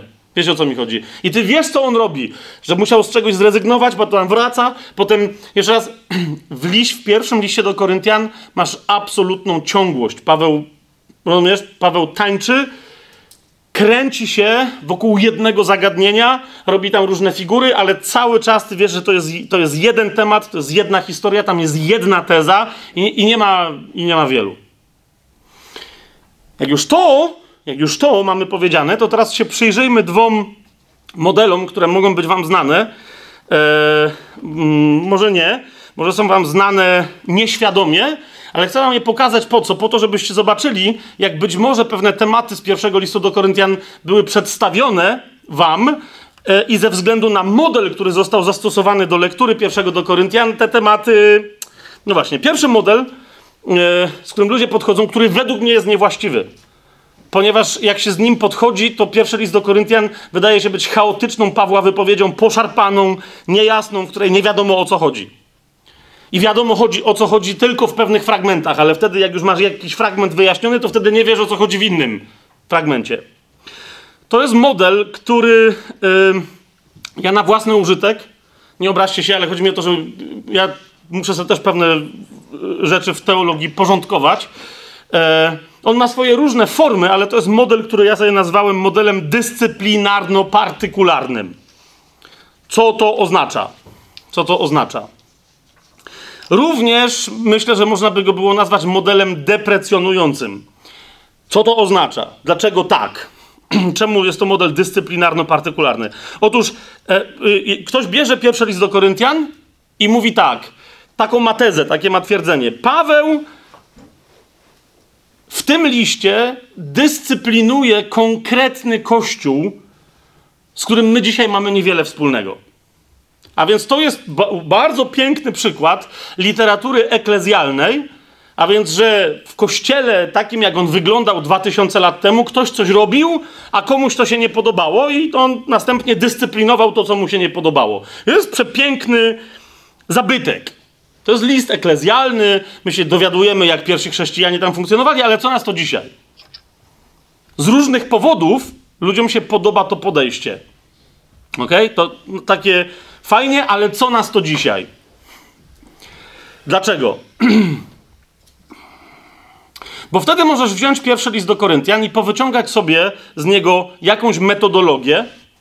I na przykład ktoś otwiera pierwszy list do Koryntian i mówi, to jest fantastyczny list. Co prawda większość rzeczy tam w ogóle pff, nie bardzo rozumiemy o co chodzi, ale na przykład składkę możemy zrobić tak jak Paweł zalecił. Czyli zbierajcie składkę w pierwsze dni tygodnia. I po miesiącu pastor ogłosi i wtedy wyślemy większą składkę na potrzebujących, nie wiem, w Syrii. Wiecie o co mi chodzi? Więc coś mówi metodologia, tak? Albo jeżeli chcesz kogoś upomnieć w kościele, to przeczytaj pierwszy list do Koryntian i zrąb go tak, jak Paweł zrąbał Koryntian. O, okej. Okay. Słowem, jakby rzeczowo ten list niewiele wnosi, taka jest teza, ale jakieś tam aspekty wnosi, że my się uczymy, yy, że my się uczymy metodologii, uczymy się też, żeby się nie przejmować, tak? Są na przykład całe szkoły, rozumiecie, teologiczne, które mówią, o czym jest pierwszy list do Koryntian. O tym, że można być najgorszym syfiarzem i nadal jesteś w kościele i taki Paweł też cię lubi, tylko no troszeczkę musicie zrąbać, że hej, popraw się. No nie? Ale ty nadal jest, jest super, jest miodzik, jest elegancko. Cała e, taka, wiecie, hiperłaskowa teologiczna tendencja z tego korzysta. Jakby nie przedstawiają o co chodzi w pierwszym do Koryntian, tylko mówią: hej, zobacz, tam byli ludzie, którzy grzeszyli, byli rozpustnikami, jeden jest oskarżony o kazirodztwo, i ale Paweł nadal, Paweł nadal nazywa yy, ten kościół absolutnie świętym, wzbogaconym we wszystko i tak dalej. Więc hurra! Oczywiście potem w praktyce się przyglądasz i mówisz, no nie hurra, tylko ten gość, który jest oskarżony o to kazirodztwo, to Paweł powiedział, żeby go oddać szatanowi. To jakby, a nie, no to właśnie to jest, rozumiesz, to nie jest dzisiejsza metodologia. To, to rozumiecie, to chodzi o, o tą postawę. Musisz zaadoptować pewne rzeczy. To jest, to było wtedy, my nawet, no właśnie, trochę doktryny, na przykład pierwszy do Koryntian, niektórzy mówią, że ten list jest słaby. List do Rzymian to jest doktryna. No, w pierwszym do Koryntian trochę doktryny porządnej masz w 15 rozdziale. Dlaczego? Bo tam Paweł podkreśla z ogromną mocą, że jeżeli ktoś wierzy w krzyż Chrystusa, ale nadal nie jest pewny co do jego zmartwychwstania, to nie jest zbawiony. Tak? On mówi, że jeżeli Chrystus nie zmartwychwstał, próżna jest nasza wiara i do tej pory trwamy w naszych grzechach. Rozumiecie o co chodzi? No to to jest wypowiedź doktrynalna i to nikt nie jest głupi, że no okej, okay, no to tu Paweł, super, dziękujemy Ci Pawle. Przypomniałeś nam rzeczywiście zmartwychwstanie, najważniejsza rzecz. Ale potem zapytasz, czy jeszcze Paweł coś doktrynalnego sensownie napisał w pierwszym do Koryntian? No nie, to jest wszystko, bo jakby to jest list, który dyscyplinuje Kościół w Koryncie. To nas nie interesuje. Ewentualnie jeszcze niektórzy ludzie mówią, no i, i, i pierwszy list do Koryntian w tym modelu, tak? Właśnie tym modelu takim dyscyp, dyscyplinarno-partykularnym. Niektórzy mówią, to jest model, który nas uczy, jak się głosi kazania dobre. Kto z was nie był na kazaniu w czasie ślubu kiedyś, chociaż raz, żeby nie został wygłoszony przynajmniej część kazania, żeby się nie odnosiła do hymnu o miłości. Kto z was wie, co to jest hymn o miłości? Gdybym mówił językiem, wiecie, wszyscy wiecie, w Biblii ja zawsze pytam, hymn? Jaki? O co chodzi? Co? Nas przyzwyczaiły różne, nieważne katolik, protestant w Polsce dowolnego rodzaju, nie, nie, nawet czasem ludzie, rozumiecie, na zupełnie świeckich uroczystościach nie mają nic wspólnego z żadnym chrześcijaństwem. Ale tekst, miłość łaskawa jest, miłość nie unosi, tak nie szuka poklasku. Wiecie o co chodzi? Wszyscy to super, to jest porządny kawałek dobrej poezji weselnej. Czy ślubnej w każdym razie. W Polsce. Więc respekt. Uczcie się od Pawła. Się elegancko, w ten sposób, miękko głosi. Nie, żeby się szarpać. Tymczasem e, ten tekst w ogóle się właśnie jest bardzo ostry. Jest, jest, jest bardzo ostry, bardzo konfrontujący tekst, który Paweł nazywa jeszcze ostrzejszym zagadnieniem i że do niego podchodzi w jeszcze poważniejszy sposób niż to, o czym pisał w 12 rozdziale. Hmm? Teraz, skąd taka, taki model, skąd taka teza? I teraz, I teraz wam to szybko pokażę, bo, bo, bo yy, ci, którzy reprezentują tę tezę, dzięki temu partykularnemu podejściu mogą sobie wyjąć jakiś fragmencik, jakoś z niego skorzystać tak jak chcą, ale mówią, całość jest dzisiaj przez nas nie do wzięcia, ponieważ całość jest dla nas kompletnie niezrozumiała i nikt dzisiaj nie ma możliwości zrozumieć, o czym pisze Paweł w tym liście. Dlaczego? Ponieważ posługuje się terminami, odwołuje się do jakichś rzeczywistości, o których Biblia nigdzie indziej nie mówi, a my dzisiaj nie wiemy, co one oznaczają. I tu padają przykłady, na przykład rzekomej sprzeczności. Otwórzcie sobie pierwszy list do Koryntian. Tak? To, to jest dokładnie postawa bardzo wielu ludzi. Co no ale my tego nie rozumiemy. To, to jest tekst, który super, Duch Święty natchnął, ale my, ee, to się nie może do nas odnosić, no bo jak to? Plus, mówię, niektórzy wręcz stają po stronie niewierzących ludzi, którzy atakują Biblię i mówią naprawdę już gdzie jak gdzie, ale w pierwszym do Koryntian to są naprawdę poważne sprzeczności. Tak? Znaczy, pierwszy list do Koryntian, czwarty rozdział, piąty werset, gdzie Paweł mówi: Dlatego nie sądźcie przed czasem, dopóki nie przyjdzie Pan, który oświetli to, co ukryte w ciemnościach i ujawni zamiary serc. nie sądźcie przed czasem. I niektórzy mówią, no to fajnie, ale za chwilę w piątym rozdziale, w jedenastym wersecie, aż do trzynastego Paweł mówi, teraz jednak napisałem wam, żebyście nie przestawali z takim, który nazywając się bratem, jest rozpustnikiem, chciwym, bałwochwalcą, złorzeczącym, pijakiem lub zdziercą. Z takim nawet nie jadajcie. Po co mi bowiem, bowiem sądzić tych, którzy są na zewnątrz? Czy wy nie sądzicie tych, którzy są wewnątrz? Tych, którzy są na zewnątrz, osądzi Bóg, a wy usuńcie złego spośród was samych. Więc Paweł mówi, nie sądźcie przed czasem, a za chwilę mówi, ależ osądźcie i to tak, żeby wyrąbać kogoś ze wspólnoty. Okay? Znaczy w trzecim, ten, ten sam piąty rozdział, trzeci werset. Ja bowiem nieobecny ciałem, ale obecny duchem, już jakbym był obecny, osądziłem tego, który to uczynił. I to jak Paweł go osądził w imieniu naszego Pana Jezusa Chrystusa i tak dalej. Piąty werset. Wydajcie takiego szatanowi. No masz! A chłop dopiero co napisał, żeby nie sądzić. No to o co mu chodzi? Ewidentna sprzeczność, powiadają niektórzy. Absolutnie nie ma żadnej, ale do tego jeszcze dojdziemy. Tak? Niektórzy powiadają, no świetnie, samo to wydanie szatanowi, co to w ogóle jest? Jak to, kto może, jak to, jak to może wydać szatanowi drugiego wierzącego brata Dajże spokój. To jest w ogóle niepotwierdzone nigdzie w Biblii, a Paweł w innych miejscach mówi o wydaniu szatanowi. Biblia mówi w innych miejscach o normalnej praktyce w kościele wydania kogoś szatanowi. I, i myślę, że wiemy na jej temat odpowiednio dużo, żeby dalej yy, w razie potrzeby z tej praktyki korzystać dzisiaj w kościele. Jak sobie wmówimy, że e, my nie wiemy o co tu chodzi, no to no właśnie, to, to nie zaczerpniemy żadnej lekcji z pierwszego do Koryntian, ale tutaj pewnej, pewnych lekcji absolutnie y, mnóstwo lekcji możemy czerpać. Pierwszy do Koryntian, szósty rozdział, czwarty werset. Niektórzy mówią, no masz, taka rada. Jeżeli więc macie do osądzenia sprawy doczesne, ustanawiajcie sędziami najmniej poważanych w kościele. E, dla wielu jest e, ten fragment tak nie do przełknięcia, że w wielu Bibliach w ogóle nie będziecie mieli w wielu tłumaczeniach, w wielu nawet odniesieniach, co jest tekstem oryginalnym, w ogóle nie będzie tego, tego zdania, albo będzie kompletnie przeinaczone. To ten, ten fragment u Pawła. Okay? Niektórzy mówią, no i widzisz, czyli, ale nawet jeżeli jest tak, jak jest, to ktoś mówi, czyli co, największego głupka w zborze mamy wybrać i on nas będzie sądził?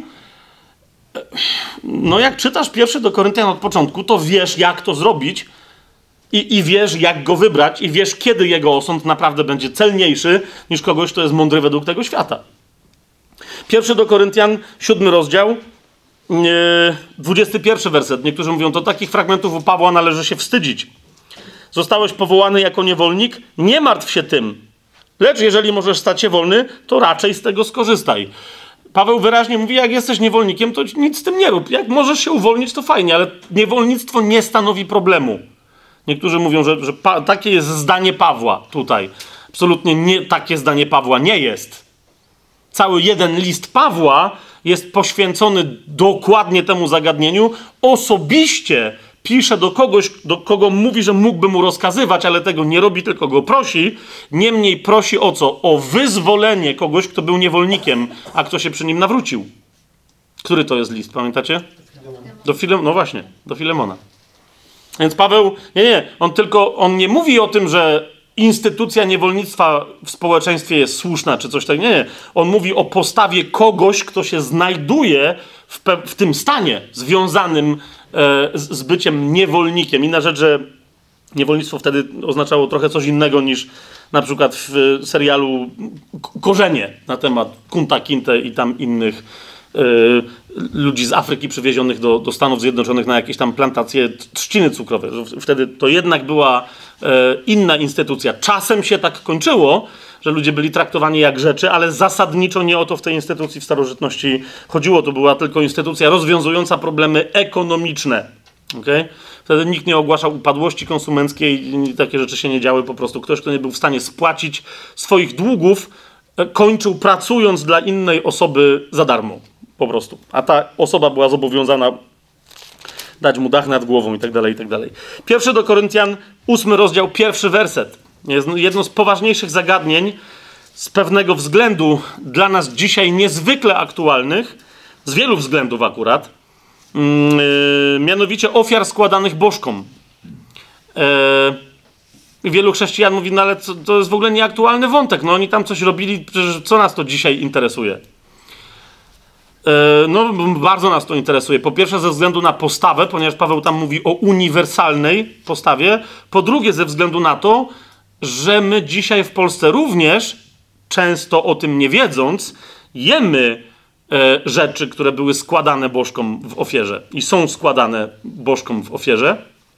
E, teraz jest pytanie, dobra, jak nie wiemy, to wszystko gra, ale jeżeli ktoś wie i inny wie, że ty wiesz, to jesteś do, teraz, jak patrzycie teraz tak na mnie, mówicie, co w ogóle się dzieje?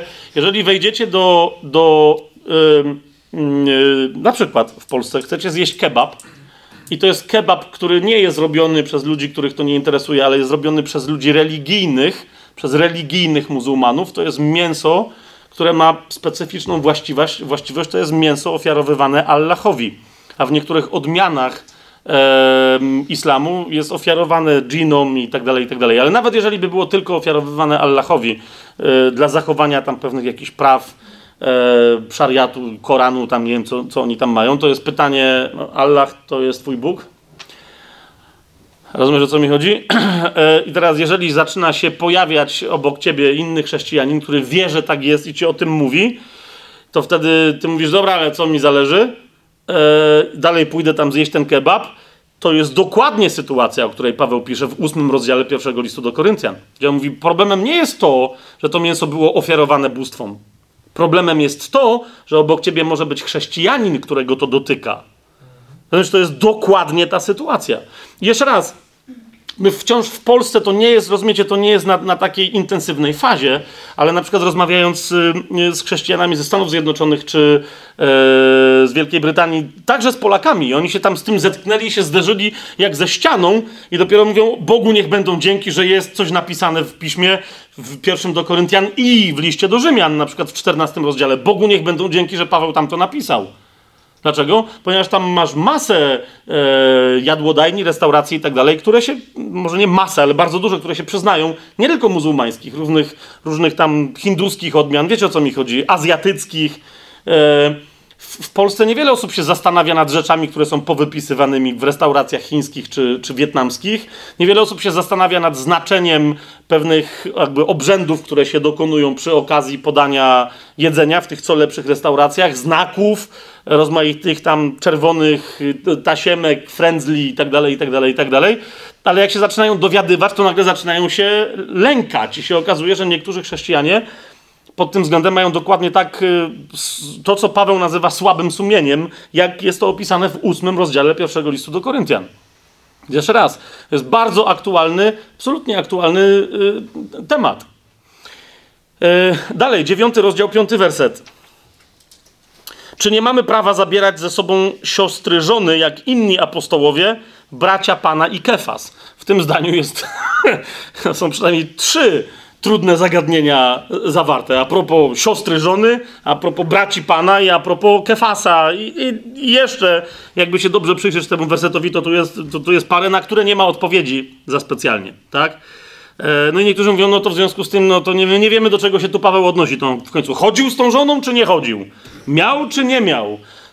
A Kefas w końcu chodził, czy bo wiemy, że miał teściową, ale co do żony, a to miał dzieci, no i się tam, wiecie, tam się zaczynają jakieś zagadnienia. Skoro nie znamy odpowiedzi na te pytania, no to, to jest tylko partykularny list, który był zrozumiały dla tamtych ludzi. Nieprawda. Jedenasty rozdział, yy, dziesiąty werset. Jest jeden z tych przykładów. Dlatego kobieta powinna mieć na głowie, teraz czytam dokładnie tak, jak mam zapisane w UBG. Dlatego kobieta powinna mieć na głowie znak władzy ze względu na aniołów. Eee, to zdanie jest jeszcze bardziej skomplikowane, jak sobie uświadomisz, że to nie ma żadnego znaku władzy, tylko Paweł to napisał, eee, co mi się bardzo podoba. Dlatego kobieta powinna mieć na głowie władzę, a nie znak władzy. Kobieta powinna mieć na głowie władzę ze względu na aniołów. I niektórzy mówią, nie ma się co w ogóle zajmować nakryciem głów u kobiet. Dlaczego? Bo my nie wiemy, o co chodzi z tymi aniołami. Albo niektórzy wymyślają jakieś głupie rzeczy, ale w tym modelu wszyscy mówią, my nie wiemy, o co chodzi z aniołami. Jak nie wiemy, o co chodzi z aniołami, to w ogóle zostawmy ten temat. Nie możesz zostawiać tematu, który dla innych znowu w kościele jest bardzo ważny. Wiecie, o co mi chodzi? I jeszcze raz, to, że ktoś twierdzi, że nie wiemy, o co chodzi z tymi aniołami, albo nawet jeżeli byśmy naprawdę nie wiedzieli, w co rozumiecie, ja nie wierzę, bo ja wiem o co chodzi z tymi aniołami, to, to ale nawet gdybyśmy kompletnie nie wiedzieli, o co chodzi z tymi aniołami, to nadal, czy ten jeden fragment deprecjonuje całą resztę, żebyśmy się nie zastanowili nad tym, co, co ta kobieta powinna mieć na głowie? Poza tym, do, dodatkowo jeszcze zauważcie, takie, zaraz wam zadam pytanie. e, zastanawialiście się kiedyś, gdzie kobieta, jeżeli już ma mieć coś na głowie, ma mieć na tej głowie? Ostatnio bardzo ciekawą rozmowę odbyłem z jednym człowiekiem, który, do którego ktoś mnie odesłał. Dlaczego? Bo, e, bo ci specjaliści, o, obczajacie w ogóle, teraz pozdrawiam tam społeczność, która się do mnie zwróciła. Oni mówią, Fabian, my wiemy, że ty się nie zgadzasz, żeby kobiety miały chusty na głowie.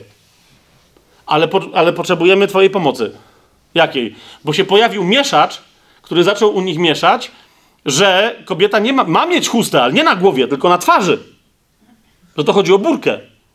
Te włosy są przepiękne, przecież wyraźnie z tego tekstu wynika, a ona ma mieć na głowie, ale na tej części głowy, tu, ma mieć zasłoniętą twarz welonem, ze względu na aniołów. E, I uzasadnienie podał fantastyczne, gdy chodzi o tych aniołów. E, trop jest mianowicie taki, kochani, że e, w obliczu Boga aniołowie zawsze mają zasłoniętą twarz, nie?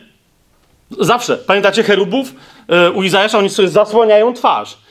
No ale jak jest wcześniej w tekście powiedziane, że mężczyzna jest chwałą Boga, a chwałą mężczyzny jest kobieta, to on z tego tam zaczął wywodzić, że w związku z tym kobieta przy mężczyźnie ma mieć zasłoniętą twarz. Tak jak anioł przy Bogu.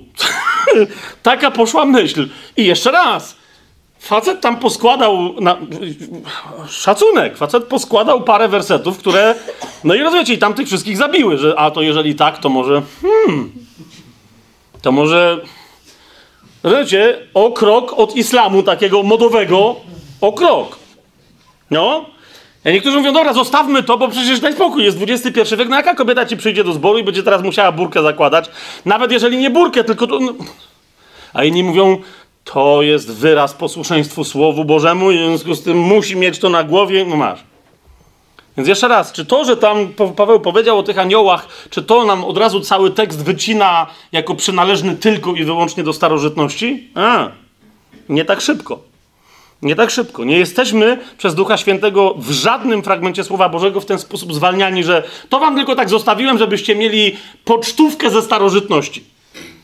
No, taką widokówkę wam wysłałem. Tak wyglądał Korynt. Ale was to nie interesuje, bo to rozumiem. Wy jesteście z gór, to jest nad morzem. Nie przejmujcie się. No nie. Trzynasty, jeszcze parę wam przykładów podam, żebyście później się mi do nich nie odwoływali. Trzynasty rozdział. Ktoś tam ostatnio rozmawiałem, to była bardzo, bardzo dobra rozmowa. Siostrę Barbarę serdecznie pozdrawiam. Bardzo dobra rozmowa na temat języków. E, ja tam kiedyś zwróciłem na to uwagę, że są dwa rodzaje języków. Między innymi o tych dwóch rodzajach według mnie mówi 13 rozdział, pierwszy werset listu do Koryntian, chociażbym mówił językami ludzi i aniołów. Eee, no i ewidentnie widać z tego fragmentu, że są jakieś dwa rodzaje języków, ludzi i aniołów, tak? No, Paweł to nie jest metafora poetycka, bo to nie jest wiersz tutaj nagle, tylko to jest jego bardzo twarda, konkretna wypowiedź na temat darów charyzmatycznych. I teraz sęk w tym, że później przeszliśmy do 14 rozdziału i z niego dosyć jasno, nie tylko i wyłącznie z tego wersetu, ale z całego 14 rozdziału i nie tylko z 14 rozdziału pierwszego listu do Koryntian, bo też, są też inne miejsca w Biblii, na przykład 8 rozdział listu do Rzymian, możemy wywnioskować, że istnieje rodzaj języków, w ramach których ludzie dosłownie rozumieją coś, co się mówi e, jak w swoim języku. Na przykład pamiętacie drugi rozdział dziejów apostolskich? Tak? Ci tam mówili, nieważne jak oni mówili, ważne, że tam ci ludzie bezpośrednio ich rozumieli w swoich językach. Tak? Oni słyszeli tam, języ- tam te języki są konkretnie wymienione. I teraz padło pytanie, czy rzeczywiście języki anielskie to jest rzeczywiście glosolalia, czyli mówienie językiem, który nie jest żadnym konkretnym językiem. I teraz jest czy nie jest, na przykład z uważnej lektury 14 rozdziału pierwszego listu do Koryntian jasno wynika, że, że Paweł tam nie mówi o języku, którym ktoś gada i który jest konkretnym czyimś językiem, typu chińskim, francuskim do przetłumaczenia, ale że mówi o języku, którego się nie da normalnie przełożyć jak obcego języka. To jest jasne, co mówię? Czter, wynika z całej lektury, nie tylko z tego wersetu 13.1 w pierwszym do Koryntian, ale po prostu w sprawie całego 14 rozdziału. To, to dosyć, yy, dosyć jasno wynika, że tam Paweł mówi o glosolali, tak? Eee, ale to znowu, to nie jest temat na dzisiaj, tylko on pokazuje, e, że znowu ktoś powie, no nie wiemy, co to są języki ludzi i aniołów. Dobra, powoli, tak? To, to nie deprecjonuje tematów, które Paweł e, tam roztrząsa. 14 rozdział, 32 werset. Niektórzy podejmują mówią, cóż to znaczy, że, że duchy proroków są poddane prorokom. Jak sobie powiemy, o co chodzi z tym, że człowiek to jest duch, dusza i ciało, kto to są prorocy, to, to ten werset się stanie jasny, naprawdę bez, bez jakichś zawiłych wyjaśnień. W pierwszym liście do Koryntian, w 15 rozdziale, w 29 wersecie, kolejną dziwność ludzie wyjmują i mówią: A to co jest? 15 rozdział, 29 werset. Bo inaczej, tam Paweł pisze: Cóż zrobią ci, którzy przyjmują chrzest za zmarłych? Jeśli umarli w ogóle nie są wskrzeszani, po co przyjmują chrzest za zmarłych? Paweł tam pyta. I o, oczywiście od razu powstaje wątek, cóż to jest ten chrzest za zmarłych? Oczywiście nie wiemy, co to jest za chrzest za... Taka jest odpowiedź, nie wiemy zupełnie, co to jest ten chrzest za zmarłych. W związku z tym to jest kolejny dowód na to, że ten list jest przestarzały, odnosi się do konkretnych historycznych zaszłości, ale dzisiaj dla nas jest nieaktualny. Jeszcze raz, nawet jeżeli w pewnych kwestiach naprawdę byśmy nie wiedzieli, co się dzieje, to takich miejsc w Biblii jest wiele, gdzie się pojawia, wiecie, jakiś, jakiś pytajnik, pojawia się czyjeś imię, e, ktoś był czyimś synem, tam jest jakaś historia i my nawet nie bardzo wiemy, o kogo chodzi. To, nie, to, to, to w żaden sposób nie deprecjonuje treści e, dookoła opowieści o, o danej postaci, tak?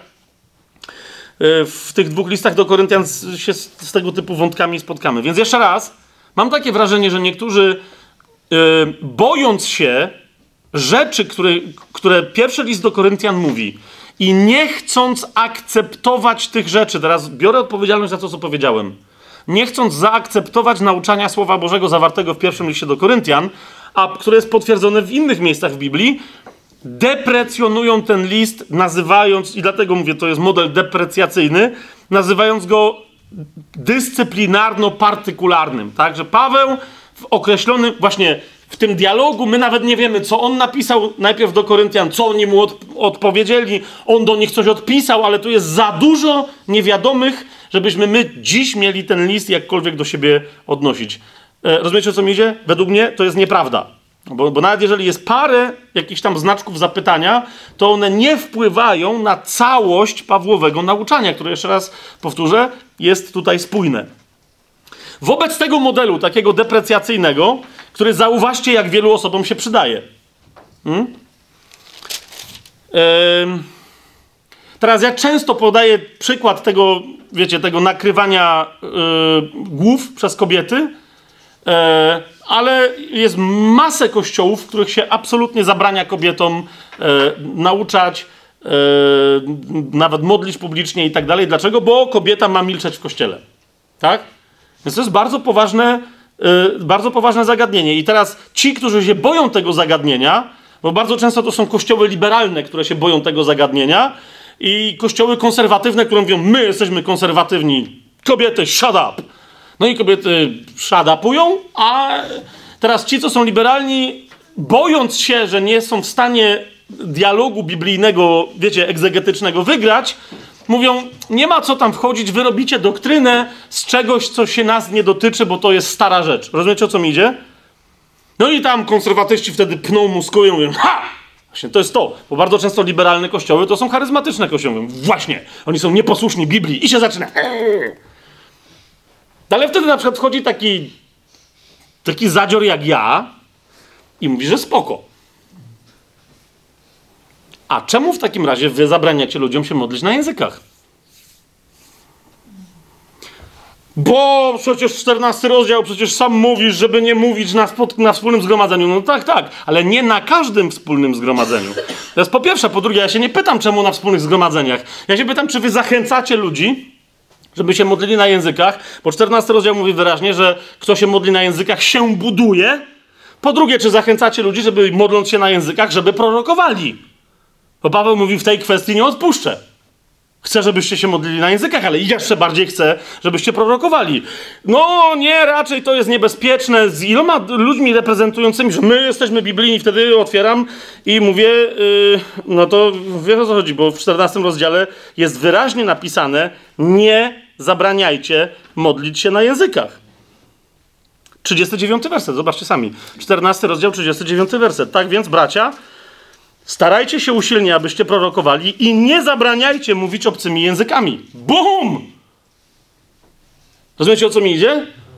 I wtedy właśnie, wtedy się zaczyna taniec taki drugiego rodzaju, taki, taki, taki niejasny, na zasadzie nie my jesteśmy konserwatywni, ale jak ich przyłapiesz z drugiej strony, to ale bo nie cały list Pawła, rozumiesz, to się odnosi, to było do tamtych czasów. Aha! Czyli jak kobieta musi założyć chustkę na głowę, o której Paweł w ogóle nie pisze w tym pierwszym do Koryntian, to ty wiesz, że to ma być chustka na głowie i ty wiesz, że nie chodziło o problem rozwiązłości i że w Koryncie bardzo istotna była kobieta, która była zamężna i musiała mieć oznakę, że jest zamężna od kobiety, która była czyjąś konkubiną i nie miała takich samych praw. Teraz ja nie mówię, że Pawłowi o to chodzi, bo jeszcze raz będziemy mówić o nakryciach kobiet. Rozumiecie, o co mi idzie, tak? Ale, ale czy nie, to jest, tu jest wyraźnie napisane, kobieta ma milczeć. To za chwilę się pytam, no jesteś taki twardy pod tym względem? To fajnie, ale Paweł też mówi, że kobieta w zgromadzeniu ma prorokować i się modlić. Czyli nie ma milczeć. Yy, ale u nas nie ma proroctwa. No to stary. no to jeżeli w tym samym nauczaniu Paweł mówi, że kobieta ma mieć chustkę na, głowę, na głowie, kiedy prorokuje, a wy się nie zgadzacie na prorokowanie, to się to w takim razie nie, nie doczepiajcie, że po co im chustka na głowę, jak nie prorokuje. Że już nie wspomnę o tym, że Paweł powiedział, że zasadniczo to te chustki, jeżeli chodzi o chustki w ogóle, obowiązują te kobiety, które się nie lubią strzyc. Nie lubią podcinać, nie lubią golić. No ale jeżeli jakaś kobieta dzisiaj się ogoli, obczajacie o co idzie? To przez sam fakt tego, co Paweł tam napisał, jak będziemy literalnie czytać, Paweł mówi, no chyba, że się ogoli.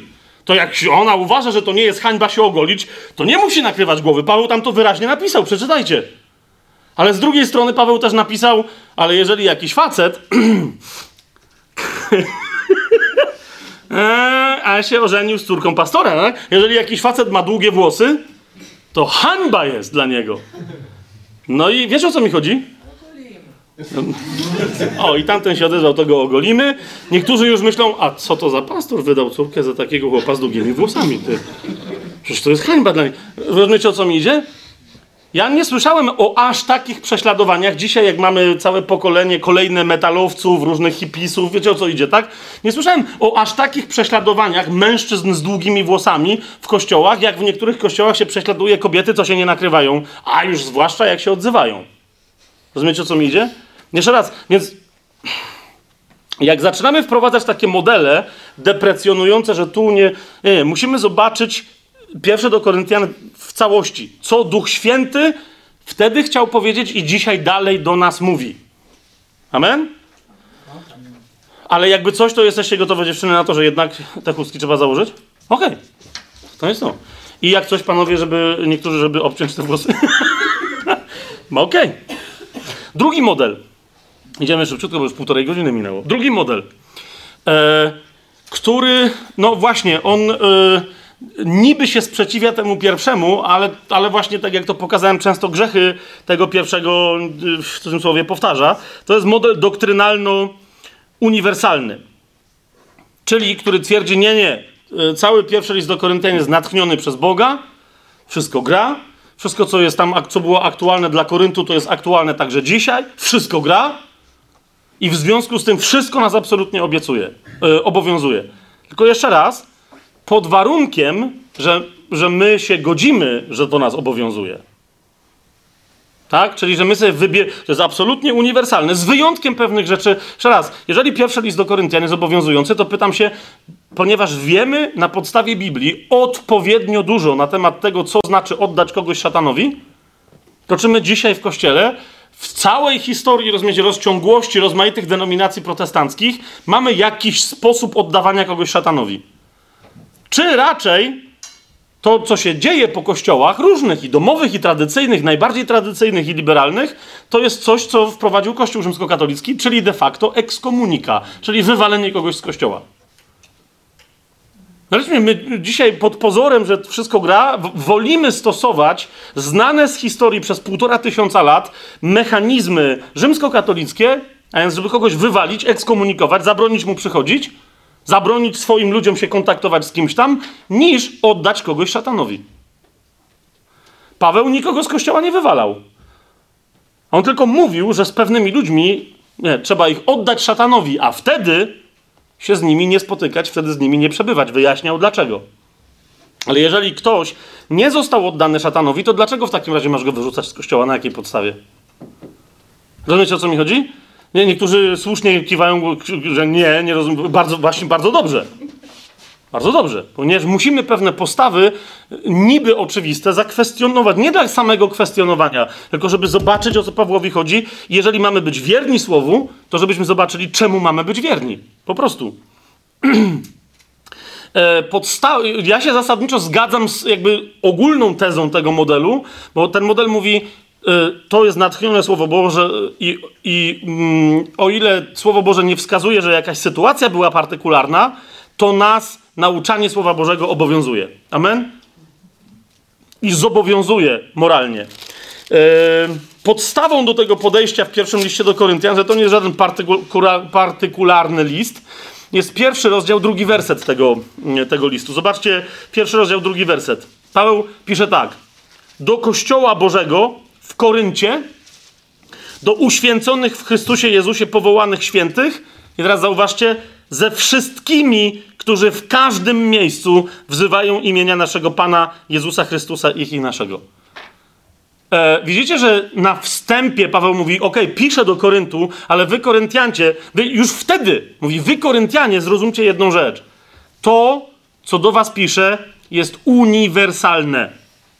Widzicie to? Później, ja nie, nie, nie mamy czasu, żeby teraz, żeby w to jakoś bardzo szczegółowo wchodzić, ale później Paweł no, no dobrze, na przykład jak sobie otworzycie 11 mm, rozdział, 16 werset, ale takich przykładów będzie więcej, gdzie Paweł mówi: To, co wam mówię, jest uniwersalne.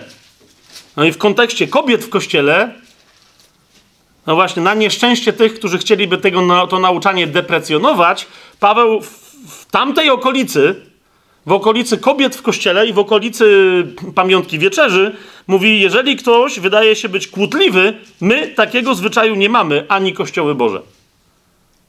Jest pomiędzy jedną a drugą kwestią, na temat której się wszyscy kłócą, Paweł mówi: Nie, nie, nie. nie. I w wielu innych miejscach znajdziecie takie, mm, y, takie fragmenty, gdzie Paweł mówi: y, Słuchajcie, to, to Pan powiedział.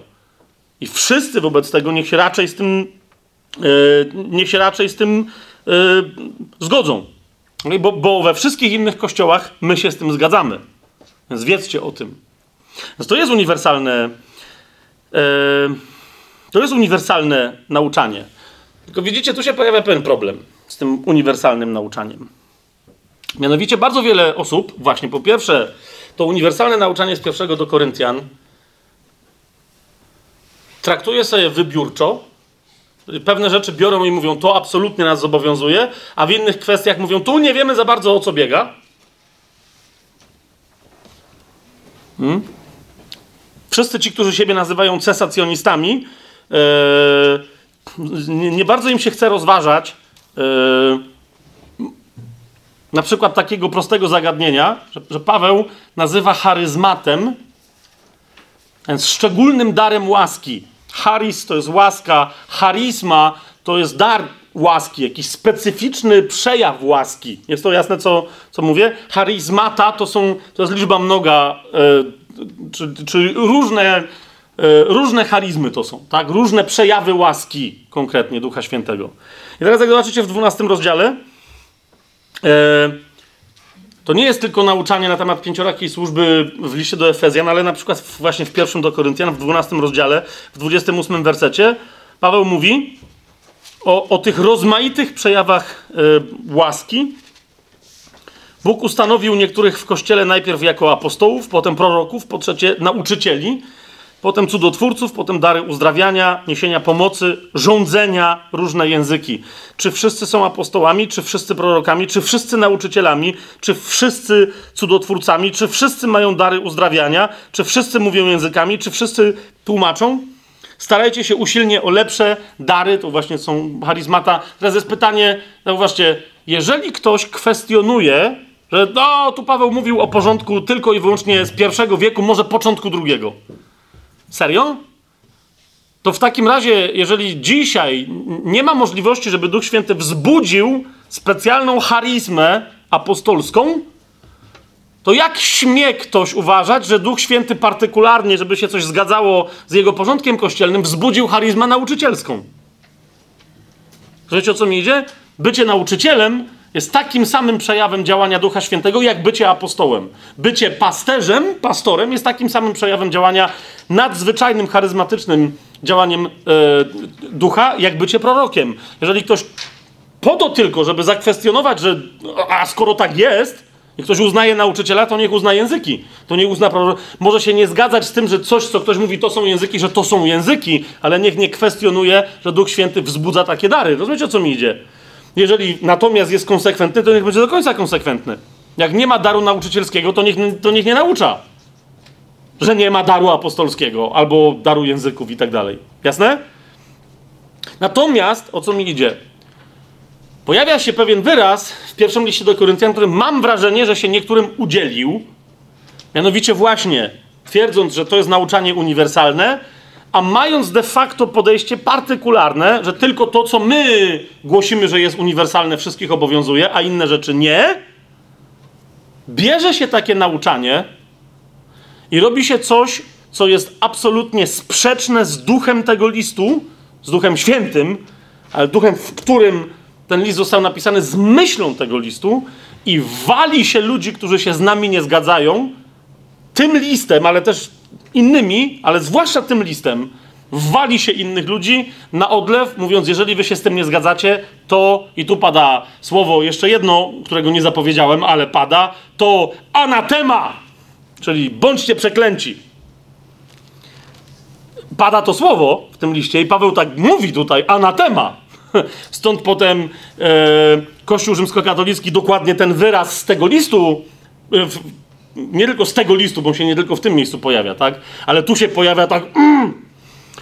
Potem jeszcze w jednym. Mianowicie to jest 16 rozdział pierwszego listu do Koryntian. E... Paweł, Paweł pisze w, 20, w 22 wersecie: Jeżeli ktoś nie miłuje Pana Jezusa Chrystusa, niech będzie przeklęty. I tu pada słowo anatema. Ale zaraz po nim pada słowo Maranata. Co jest nie bez znaczenia, co jest nie bez znaczenia. Okay? Bo, bo teraz Paweł mówi, kto jest przeklęty? Tylko i wyłącznie człowiek, który nie przyjmuje dobrej nowiny, no tak czy siak jest przeklęty, i ten wchodzi pod przekleństwo, kto przyjmując dobrą nowinę, nie przyjmuje jej po to, żeby kochać Jezusa. A wiecie, co oznacza kochanie Jezusa? Kochanie Go w braciach i siostrach kochanie Go w ogóle, tak? Kochanie Jego jest naśladowaniem Jego w tym, jak On kocha, abyście się nawzajem miłowali, jak ja was umiłowałem. Amen? Kto Jego tak kocha, ten umiłował Jego przyjście. Pamiętacie Pawła? W innym miejscu, jak do Tymoteusz mówi, że dla tych, którzy umiłowali Jego przyjście. Więc Paweł mówi, albo jesteś człowiekiem maranata, albo jesteś człowiekiem anatema. Tam jest inny akcent, co prawda, tam jest anatema, ale inna rzecz, że, że sam zapis słowa maranata również jest, jest nieco inny niż my zwykle mówimy. Tam jest maranata albo maranata. Ale to jest to, co Paweł mówi. Albo miłujesz Jego przyjście i wszystko jest do tego dostosowane, albo tak czy siak jesteś przeklęty. Ale niektórzy biorą tę postawę i mówią, Pawłowi wolno przeklinać? To to jest dokładnie postawa, która nam się podoba i my w związku z tym cię przeklinamy. Mają ustawiony, ustawioną strukturę doktrynalną. Zaraz wam pokażę coś, co, co was by, bo sobie myślicie, no ale zaraz, no ale tak powinno być, tak? Przecież Fabian, ty jesteś nauczycielem. Nie powinieneś ty dbać o zdrową naukę, zdrowa nauka, zdrowa nauka. Absolutnie nie. Absolutnie nie tak to wygląda. Chcę wam to pokazać, jak, o co Pawłowi chodzi w tym miejscu i jak tego rodzaju podejście, mamy ustaloną doktrynę, bo Paweł miał ustaloną doktrynę, kto się z nią nie zgadza, to go przeklinamy, to go anatemujemy.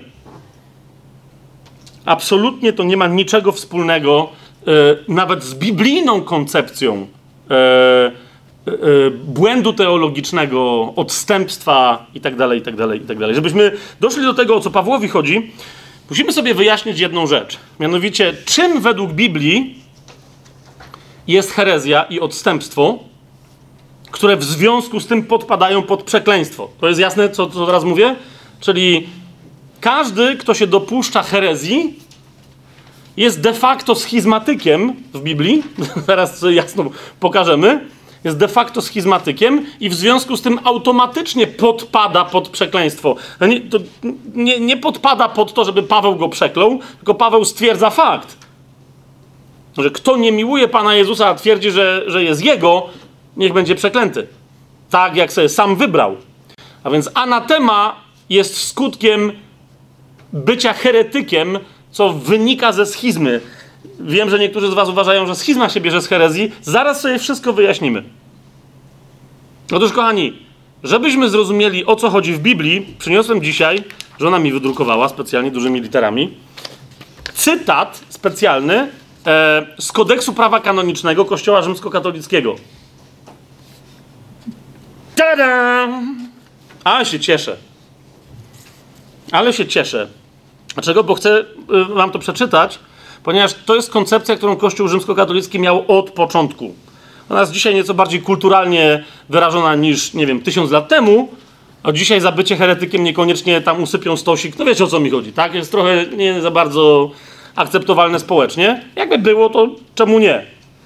Ale chodzi o rozumienie pogańskie tego, czym jest herezja, wynikające ze starej religii rzymskiej, czym jest herezja i czym jest schizma. Również czym jest apostazja. I to jest aktualny, możecie sobie to sprawdzić, to jest kanon 751 kodeksu prawa kanonicznego Kościoła Rzymskokatolickiego.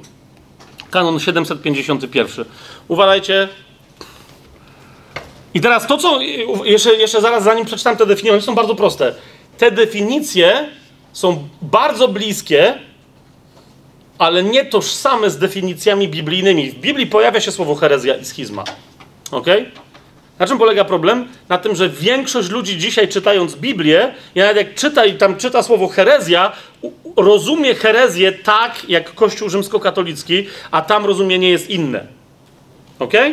Teraz jakie jest twoje rozumienie herezji? Najpierw przeczytam ci, co twierdzi Kościół rzymskokatolicki, bo uważam, że większość protestantów nie ma nawet pojęcia o tym, że de facto przyjęła definicję Kościoła i religii rzymskiej, a nie ma definicji biblijnej. I w związku z tym później się dzieją horrendalne rzeczy i gorszące takie, jakie się często wśród biblijnie wierzących chrześcijan, ewangelicznych chrześcijan dzieją. Otóż, aktualnie obowiązujący kanon 751 mówi w Kościele rzymskokatolickim, nie w Biblii, mówi herezją nazywa się uporczywe po przyjęciu chrztu, czyli po tym jak pff, przyjęciu chrztu, rozumiesz, byłeś dzieckiem, zanieśli cię do chrztu, nic tam nie przyjmowałeś, no nie, oni się tam przyjęli bez absolutnie twojej wiedzy i zgody, bo nawet nie wiedziałeś, że żyjesz, ok? Więc to było takie przyjęcie chrztu, ale niech będzie. Herezją nazywa się uporczywe po przyjęciu chrztu, zaprzeczanie jakiejś prawdzie, w którą należy wierzyć wiarą boską i katolicką.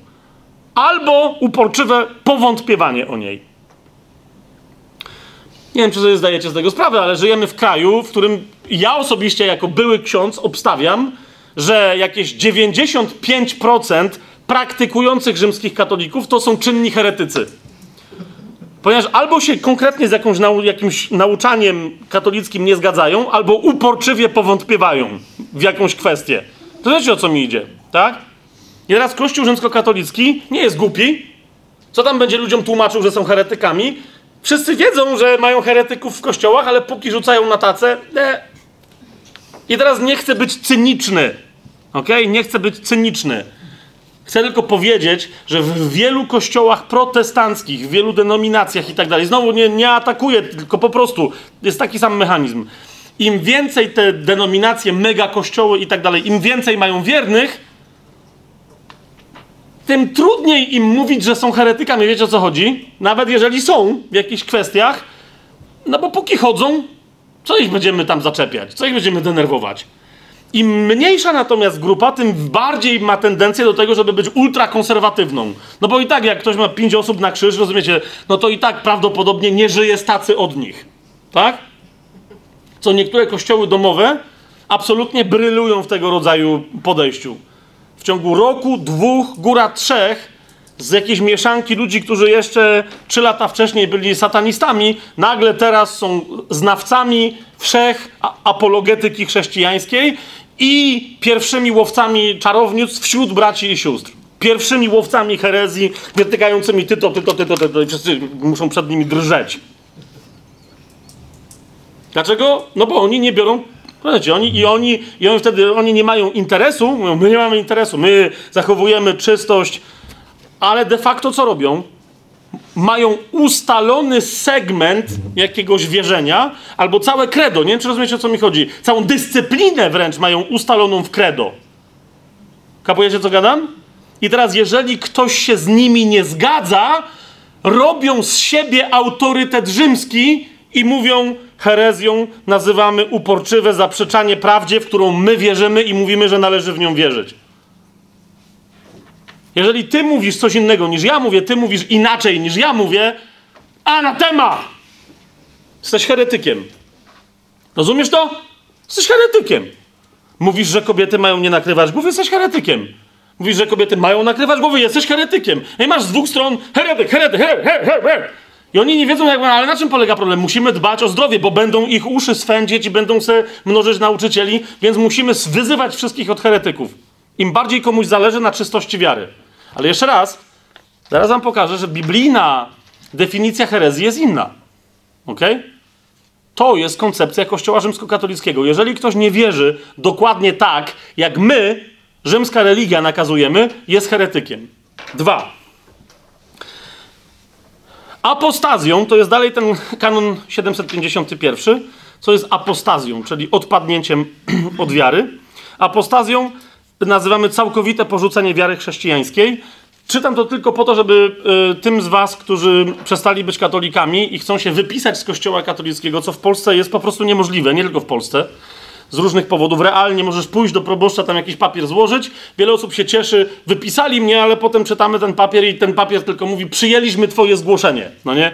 Ale spaduwa. Bo niezależnie od RODO i wszystkiego innego, znikąd cię nie będziemy wypisywać, dalej jesteś w naszych księgach chrzcielnych zapisana i zapisany i tego nie ruszymy. Mamy to załatwione z Unią Europejską i wszystkimi innymi władcami tego świata.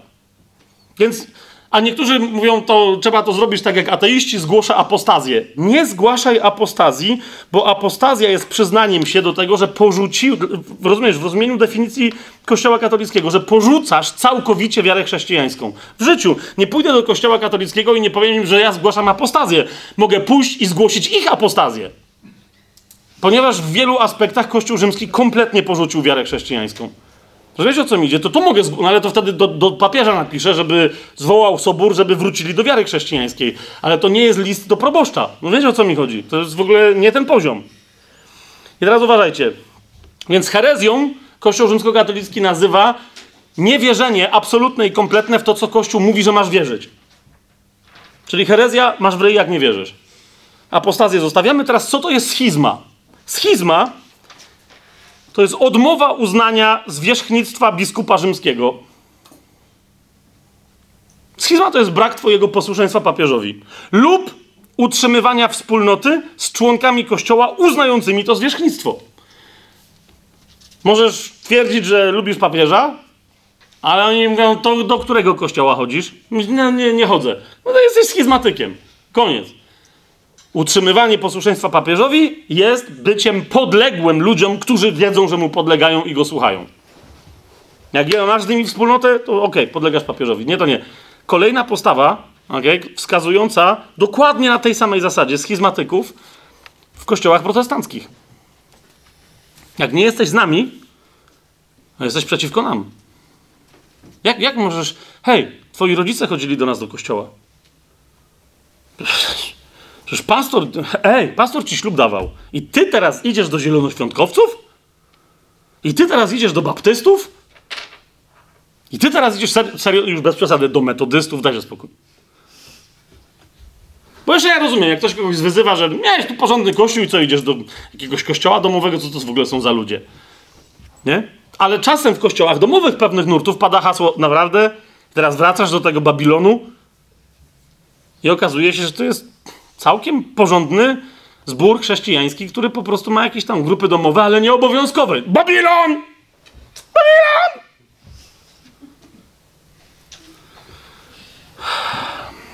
Co to jest herezja według Biblii?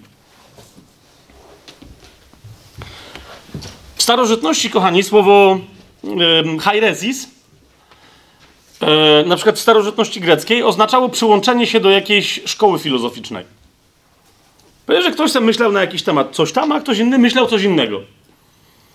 No i, no i tyle. Ale potem wzięli tą koncepcję ludzie religijni Mówię teraz o najbardziej religijnych ludziach na świecie, największych profesjonalistach i specjalistach od religii. Zawsze, ever i w przeszłości, i na całą przyszłość, czyli o wyznawcach judaizmu. Niech się teraz na mnie nie obrażą, bo to jest w sumie z punktu widzenia religijnego komplement. Nie ma lepszej, profesjonalniejszej, bardziej wydajnej, yy, efektywnej i efektownej w pewnym sensie religii jak judaizm. I oni się za to wzięli i zamienili herezję, a więc pójście za pewnym pre, trendem, zamienili w jedyne słuszne stronnictwo. Jedynie słuszną teologię i tak dalej, i tak dalej. Otóż, e, uważajcie, teraz ja sobie specjalnie zbudowałem definicję i zaraz wam ją pokażę biblijnie. Co to jest herezja według Biblii? W jakim kontekście Biblia pokazuje herezję? Co to jest herezja?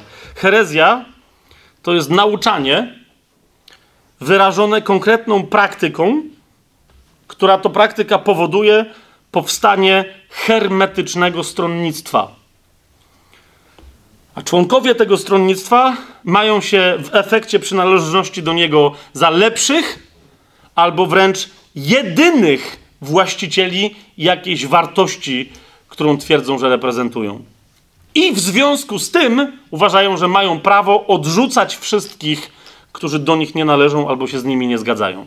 Czy to jest jasne, co powiedziałem? Jeszcze raz powtórzę. Herezja to jest nauczanie, nie teoretyczne tylko, ale które, które nakazuje jakiś rodzaj postawy. To jest nauczanie, które wzywa do jakiegoś rodzaju działania. Nie tylko dopuszcza go, ale wzywa do, do konkretnego rodzaju działania, do konkretnej praktyki. I teraz jak ktoś wchodzi, wyznaje tę te, te filozofię, to nauczanie, zaczyna praktykować właśnie to, co mu się każe praktykować, e, to ewentualnie, bo tam są jeszcze inne obostrzenia, pozwala mu się przyłączyć do stronnictwa. Teraz musi w tym stronnictwie wykazywać się czystością ideologii. A więc, że zgadza się z wszystkim, co to stronnictwo mówi. Reprezentuje sobą to stronnictwo, rozumiecie, bardziej niż swoją rodzinę, bardziej niż Boga, bardziej niż zasadniczo najczęściej w takich stronnictwach właśnie takie stronnictwo twierdzi, że ono i tylko ono reprezentuje Boga, a w każdym razie, że reprezentuje Boga najlepiej. A niektórzy mówią, że to są jedynymi, którzy go reprezentują. To jest jasne? To jest jasne, co mówię? To jest, y, to jest herezja. I teraz to, zauważcie, jest przejawem niedostrzeżonej pychy duchowej, a ta pycha wyraża się e, przyznaniem sobie samym uzurpacją, więc prawa do tego, żeby sądzić innych z tej pozycji, do tego, żeby innych odrzucać, a więc żeby innych przeklinać i żeby ich nazywać schizmatykami, albo żeby robić z nich schizmatyków, a więc żeby ich odcinać. Teraz ktoś powie, dobra, teraz udowodnij, bo co właśnie powiedziałem? Że ludzie, którzy twierdzą, że w Biblii e, coś tam jest i oni to wyznają i oni najlepiej to wyznają i oni mają na ten temat najlepszą praktykę, stają się heretykami, kiedy nawet jeżeli to jest prawdziwe nauczanie, w ramach tego nauczania odrzucają innych braci i siostry w Chrystusie. Czy jest jasne, co teraz powiedziałem? Okej, okay, teraz, teraz przeprowadźmy pewien dowód biblijny. Mianowicie słowo, e, słowo hairesis, e, czyli herezja, e, istnieje w Nowym Testamencie. Zdziwicie się może troszeczkę, ale zaczyna się pojawiać, nie istnieje za często, ale zaczyna się pojawiać dopiero w dziejach apostolskich nie ma, go, nie ma go w Ewangeliach. Gdzie? I teraz podam wam wszystkie przypadki występowania słowa herezja. Dzieje apostolskie, piąty rozdział, 17 werset. Dzieje apostolskie, piąty rozdział, 17 werset. Zdanie przetłumaczone na język polski brzmi: Wtedy najwyższy kapłan i wszyscy, którzy z nim byli, należący do stronnictwa saduceuszy, pełni zazdrości, powstali i tak dalej, i tak dalej, i tak dalej. Gdzie w tym zdaniu pojawia się słowo herezja? Słowo herezja zostało przetłumaczone tutaj jako stronnictwo. Teraz wyobraźcie sobie, jakby to zabrzmiało, gdybyśmy przetłumaczyli tak, jak naprawdę sądzę, że powinniśmy przetłumaczyć, żeby zachować myśl biblijną.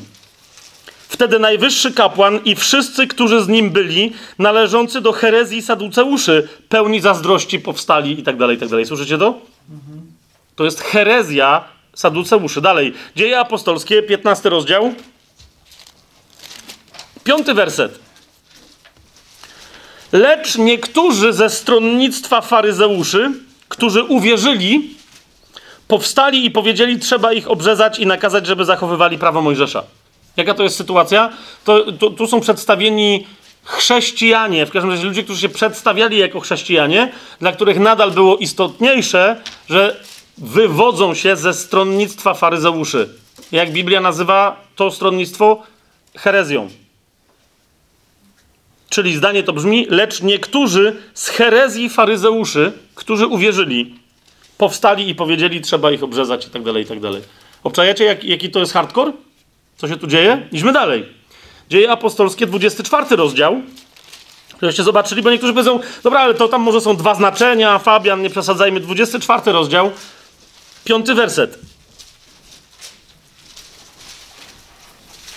To jest mowa oskarżycielska przeciwko Pawłowi i przeciwko chrześcijanom. Tak?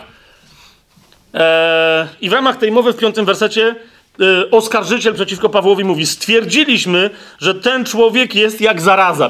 Bardzo mi się podoba. W ogóle cała ta mowa oskarżycielska jest rewelacyjna. Stwierdziliśmy, że ten człowiek jest jak zaraza, wzbudza niepokoje wśród wszystkich Żydów na całym świecie i jest dowódcą sekty Nazarejczyków. Gdzie tutaj pojawia się słowo herezja? sekta jest dowódcą herezji Nazarejczyków. Jest jak zaraza, jest dowódcą herezji. Zauważcie, ci, którzy oskarżają, oni mówią wyraźnie, yy, widzicie o co chodzi, tak? To jest co? Oni mówią, Nazarejczycy, Nazarejczycy to jest nauczanie, które się wyraża konkretną praktyką, w ramach której odrzucili cały judaizm. To jest dokładnie, rozumiecie? On ich oskarża, chrześcijanie są takimi dziadami. To jest herezja z punktu widzenia judaistycznego. I w czternastym wersecie Paweł na to odpowiada. Zauważcie, co Paweł odpowiada. Jest bardzo znaczące. Wyznaje jednak przed tobą, wobec tego, wobec którego był oskarżany, wyznaje jednak przed tobą, że według drogi, którą oni uważają za herezję, to już jest słowo właściwie przedstawione, e, bo ono padło w ustach oskarżyciela, herezja Nazarejczyków. Według drogi, którą oni uważają za herezję, służę Bogu moich ojców, wierząc wszystkiemu, co jest napisane w prawie i u proroków. Nie.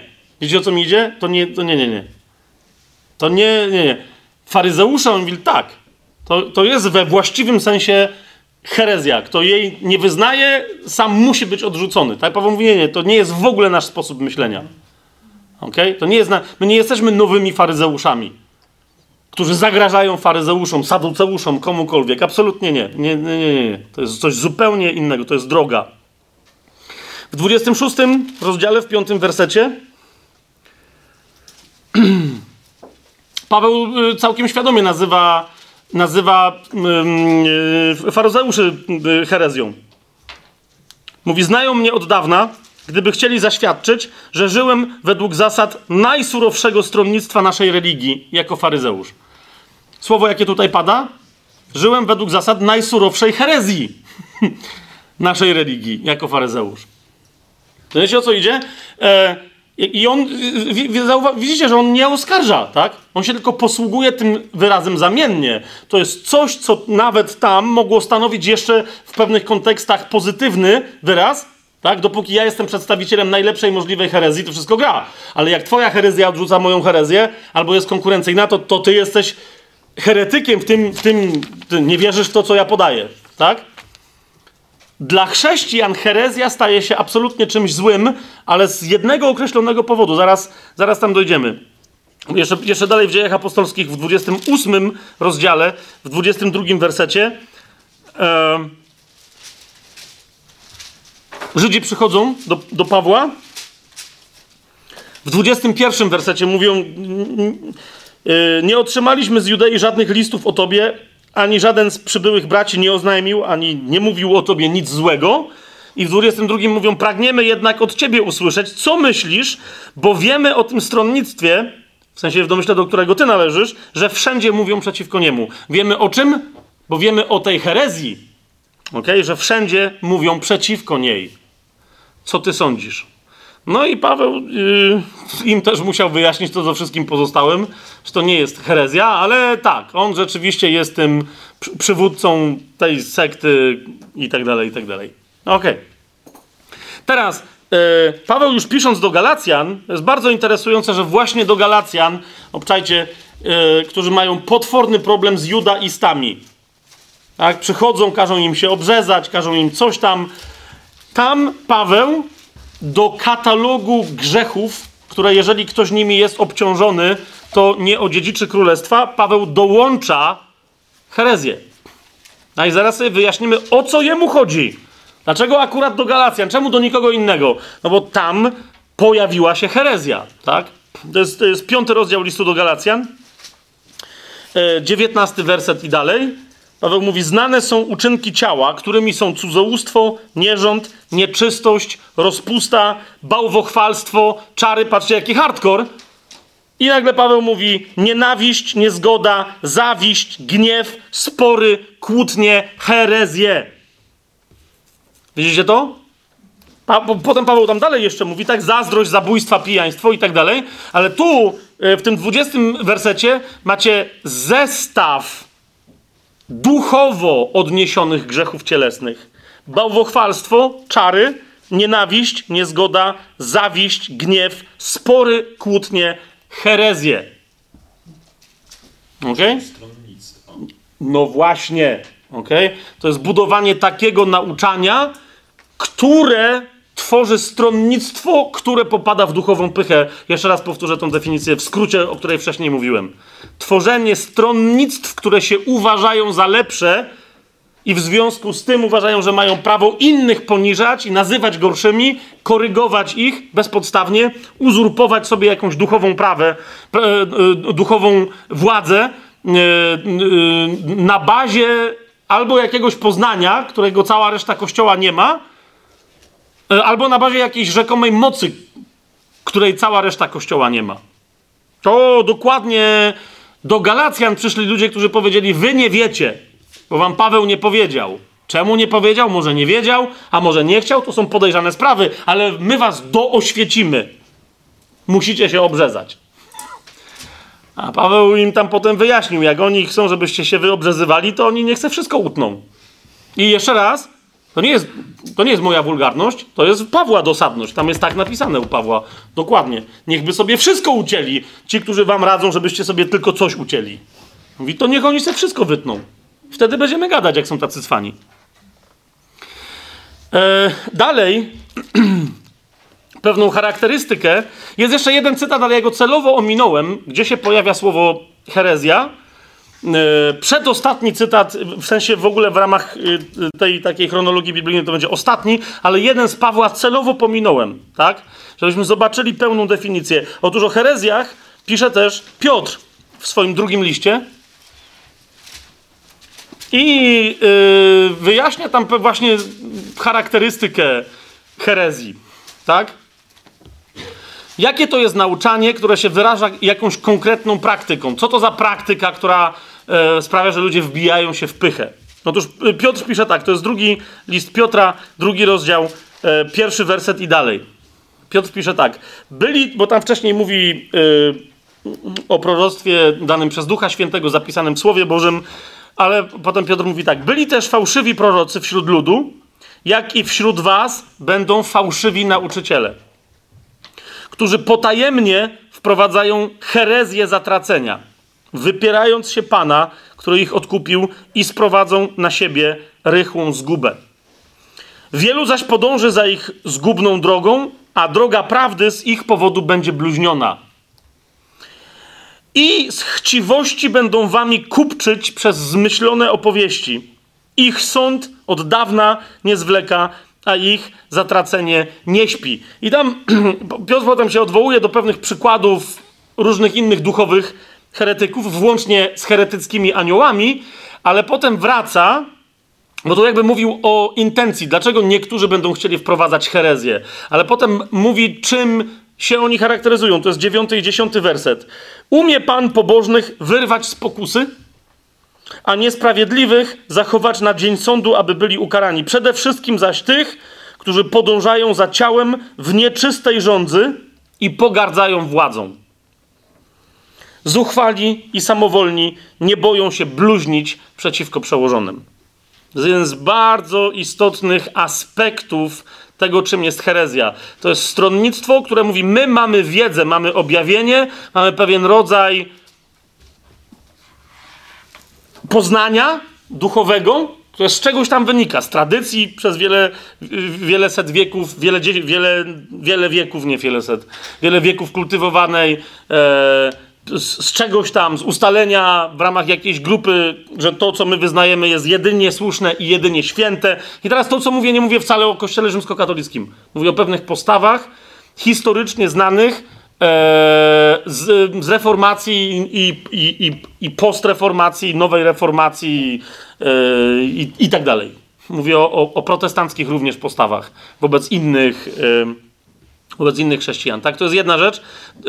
Dru, druga rzecz to, to są pomysły, które mają na celu usprawiedliwienie i uracjonalnienie niemoralnego, zwłaszcza w kontekście seksualnym postępowania.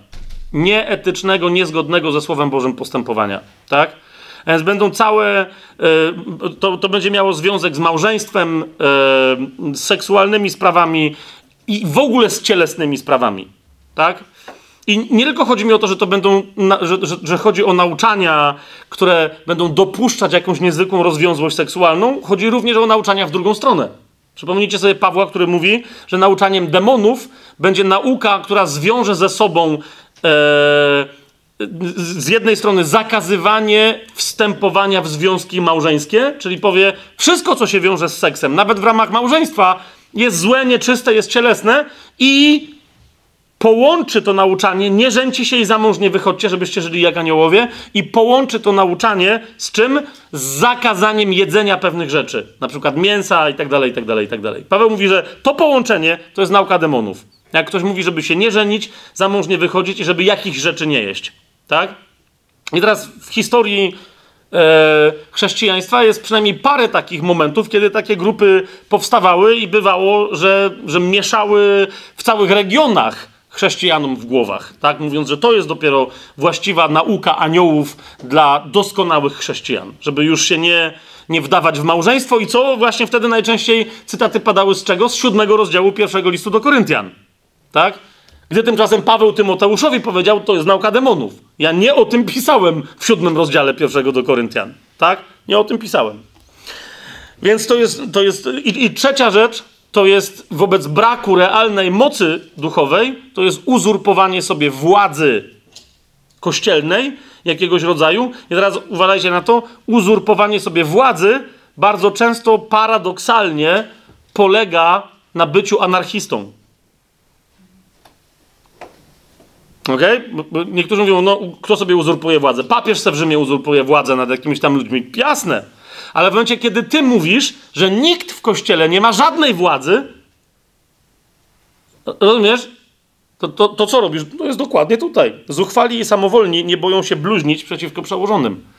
Istnieje jakiś rodzaj władzy duchowej, jakiś rodzaj autorytetu duchowego, sprawowania tego autorytetu, jakiś rodzaj przełożonych, przywódców w kościele. Amen? I teraz chodzi mi o to, że Słowo Boże ich opisuje. Patrz, jaka cisza zapadła nagle. O, oh God. Ale jakbyśmy wycięli te wszystkie fragmenty, które mówią o przełożonych, o przywódcach w kościele i tak dalej, to, to byśmy trochę Nowego Testamentu nie mieli. Zgodzicie się ze mną? A teraz zauważcie, jak wielu chrześcijanom przechodzi to tak o. I mówią, te, co za problem. XXI wiek, wolność w Chrystusie. I, mm. To rozumiesz, to, to, bo, bo właśnie, yy, zobacz, da, zobaczcie dalej, jak da, bo, bo, cały drugi rozdział opisuje de facto właśnie heretyków, co oni mówią, hej, przyłączcie się do nas, odłączcie się od tamtych. A tam ktoś tobą będzie rządził. Jest drugi rozdział Piotra, dalej, yy, werset. Patrzcie, co się dzieje. Co, co robią heretycy? Wolność obiecują, a sami są niewolnikami zepsucia. Przez co bowiem jest ktoś pokonany, przez to też jest zniewolony. Nie? To, to, to, są ci sami, o których mm, Piotr pisze w dziesiątym wersecie, że są zuchwali, samowolni, nie boją się bluźnić przeciwko, e, przeciwko przełożonym. I na przykład w kościołach e, domowych faktem jest, i stąd się bierze krytyka wielu kościołów tradycyjnych, że patrzą na pewne trendy kościołów domowych, albo wręcz pojedyncze kościoły domowe, które się stały zamkniętą grupką 10, 15, maksymalnie 20 osobową, która jest grupką jedynych świętych we wszechświecie. I oni wyznaczają, jak Jad Waszem, sprawiedliwych wśród narodów świata. Rozumiecie, nie? Mają swoje fora w internecie, jak się okaże, że ktoś im wyjaśni, że to, co robią, to właśnie jest herezja, że innym wytykają herezję, wtedy zmienią nazwę tego forum, ale dalej robią to samo, zioną nienawiścią do wszystkich, którzy nie są z nimi i w momencie przestają zauważać, że ich naprawdę jest tylko mała garstka i opluwają dokładnie wszystkich jak leci. Wszystkich jak leci. Okay? To na tym właśnie polega herezja. Okay? Większość zresztą tych jeżeli za tymi internetowymi tam produkcjami różnych łowców herezji, badaczy zdrowej nauki, detektywów różnych prawd i nieprawd i tak dalej, i tak dalej, to znaczy jak się tam dobrze przejrzysz, to albo tam nie ma żadnego kościoła i teraz ja to mówię wprost, mogę się z każdym z tych ludzi skonfrontować tak o. Zresztą parokrotnie chciałem, to się okazało, że tam z drugiej strony, nie po to, żeby siebie bronić, tylko żeby dociec prawdy akurat w kwestii kogoś innego, kto został na takich pseudochrześcijańskich stronach zbruka, rozumiesz, zmieszany z błotem, zwyzywany i tak dalej, pod pozorem ochrony świętości biblijnej wiary. To się okazało, że tam z drugiej strony nie ma kogoś, kto by chciał podyskutować. Jeden nie chciał, i teraz ja to mówię wprost, niech to się nagrywa, to niech się kameruje. I tego nie wycinaj potem, Tymek. Okay? Okazuje się później, że jeden taki specjalista, który, którego e, artykuły, no bo na filmie twarzy nie pokażę, e, różni konserwatywni poszukiwacze herezji i, i, i, dbacze o czystość swojej wiary zaczytują się tam jakimiś informacjami. Nagle się okazuje, że on nie chce za bardzo ze mną pogadać, ponieważ jeden z pastorów mi powiedział, że to jest złodziej. Może to jest chrześcijanin, a może nie, ale na pewno to jest złodziej. Ponieważ wisi mu ogromną kwotę pieniędzy, którą po prostu mu może pożyczył, może co, no, jak, dopóki, no, jak już przez parę lat nie oddaje, to złodziej, tak? Dlaczego, jak, jak, jak to jest możliwe, że w związku z tym jacyś chrześcijanie tam wchodzą i bo im się dokładnie taka postawa podoba?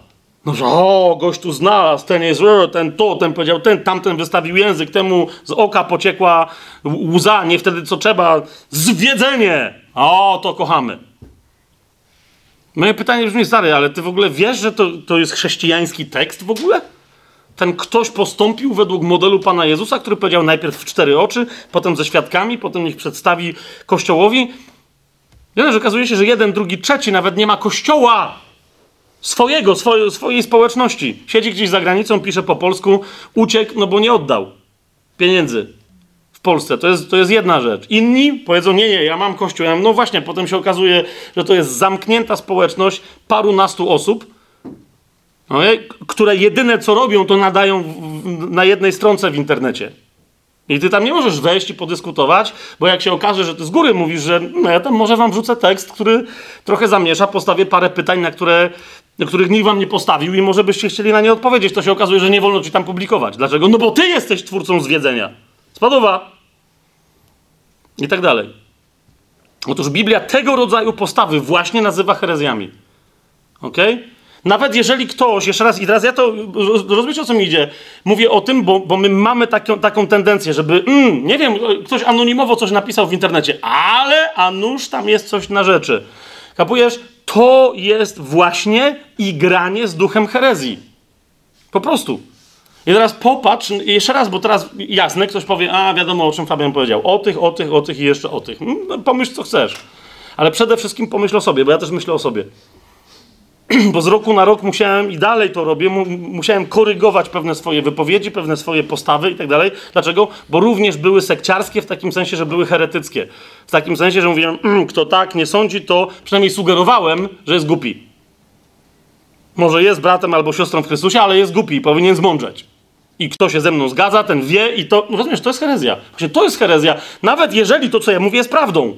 Ale jeżeli wywołuje skutek, którym jest podział w ciele Chrystusa, czy rozumiecie, o co mi chodzi? To jest herezja.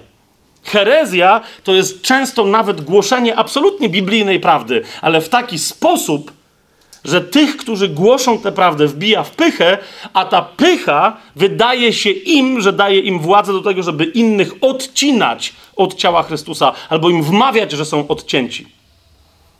Otóż, otóż ten ostatni fragment, w którym pojawia się słowo herezja, to jest właśnie fragment z pierwszego listu do Koryntian, który sobie celowo zostawiłem na ten moment, ponieważ właśnie Paweł, powiedziałbym, że niechcący, ale Duch Święty chcący przez niego zdefiniował herezję. W samym środku, no nie w samym środku, ale w samym środku pewnej, pewnego ciągu myślowej, myślowego Pawła, Paweł mówi następującą rzecz. To jest jedenasty rozdział pierwszego listu do Koryntian, osiemnasty i dziewiętnasty werset. I, I patrzcie, co się tutaj dzieje. Otóż obok słowa herezja pojawia się słowo schizma. I to dosłownie, ono też tak brzmi no, tam lekką inną, leciutko inną fonetyką. Dosłownie ono tak brzmi po grecku. Schizma. Paweł mówi, najpierw bowiem słyszę, że gdy się zbieracie jako kościół, czyli kiedy się gromadzicie nie w celach towarzyskich, bo ktoś ma imieniny, tylko się gromadzicie, żeby się modlić, cokolwiek rozumiecie, nie... Kiedy, widziałem parę tłumaczeń, gdzie tam ktoś tłumaczył, kiedy się gromadzicie w kościele. Okej, okay, no rozumiecie, że wtedy nie było budynków specjalnych, zborowych, żadnych kaplic i tak dalej, tak? Tylko po prostu kościół to jest zgromadzenie. Więc kiedy się gromadzicie jako kościół, są wśród was podziały. Tutaj się pojawia słowo schizma. Schizma to jest, to jest wprowadzenie podziału pomiędzy tymi, którzy są braćmi i siostrami. To jest schizma. Rozumiesz? Jeżeli ty jesteś moim bratem i ja jestem twoim bratem i ty wiesz, że ja jestem nowonarodzony i ja wiem, że ty jesteś nowonarodzony i dopuszczamy między siebie coś, co nas rozdziela, także nie mogę ci spojrzeć w oczy, także ty, to, ty się nie chcesz do mnie odezwać, coś, ja ci nic nie zrobiłem, ty mi nic nie zrobiłeś, ale masz nieco inną teologię, trochę inną praktykę i to nagle powoduje, jakbyśmy my się nawzajem obrazili. Rozumiesz, jakbym ja zrobił coś, co ciebie uraziło, a ty zrobił coś, co mnie zraniło. Nie wiem, rozumiesz, o co mi chodzi? To jest schizma. Z czego to wynika? No właśnie, no bo ja słyszałem, że ty się modlisz na językach. No ja słyszałem, że ty się nie modlisz. Teraz ci, co nie oglądają obrazu i widzą tylko i słyszą tylko dźwięk, nie wiedzą, co się dzieje, ale właśnie szczeliłem focha dosłownie o ścianę. To jest takie. Ja nie wiem, nie, nie wiem, czy znasz Biblię. No, ja znam, ale czy ty znasz? Rozumiecie, o co mi chodzi? I potem są takie dwa słowa, których nie cierpię. Kocham tych braci i siostry, którzy się nimi posługują, ale tych słów nienawidzę. To jest słowo zwiedzenie i to jest słowo niebiblijne. Że coś jest niebiblijne. O, to jest niebiblijne. O, masz, ty jesteś za to biblijny przez sam fakt, że od razu się tak drzesz, a nic nie wyjaśniłeś. Wiecie, to jest zwiedzenie. No właśnie, nie wiem, czy to, że tak gadasz, czy to nie jest zwiedzenie, że gadasz, że coś jest zwiedzeniem. Wiecie, o co mi idzie? Zwiedzenie, zwiedzenie, zwiedzenie. Wszyscy są zwiedzeni. Niektórzy ludzie z boku słuchają, nie wiedzą w ogóle, ale co, co to jest?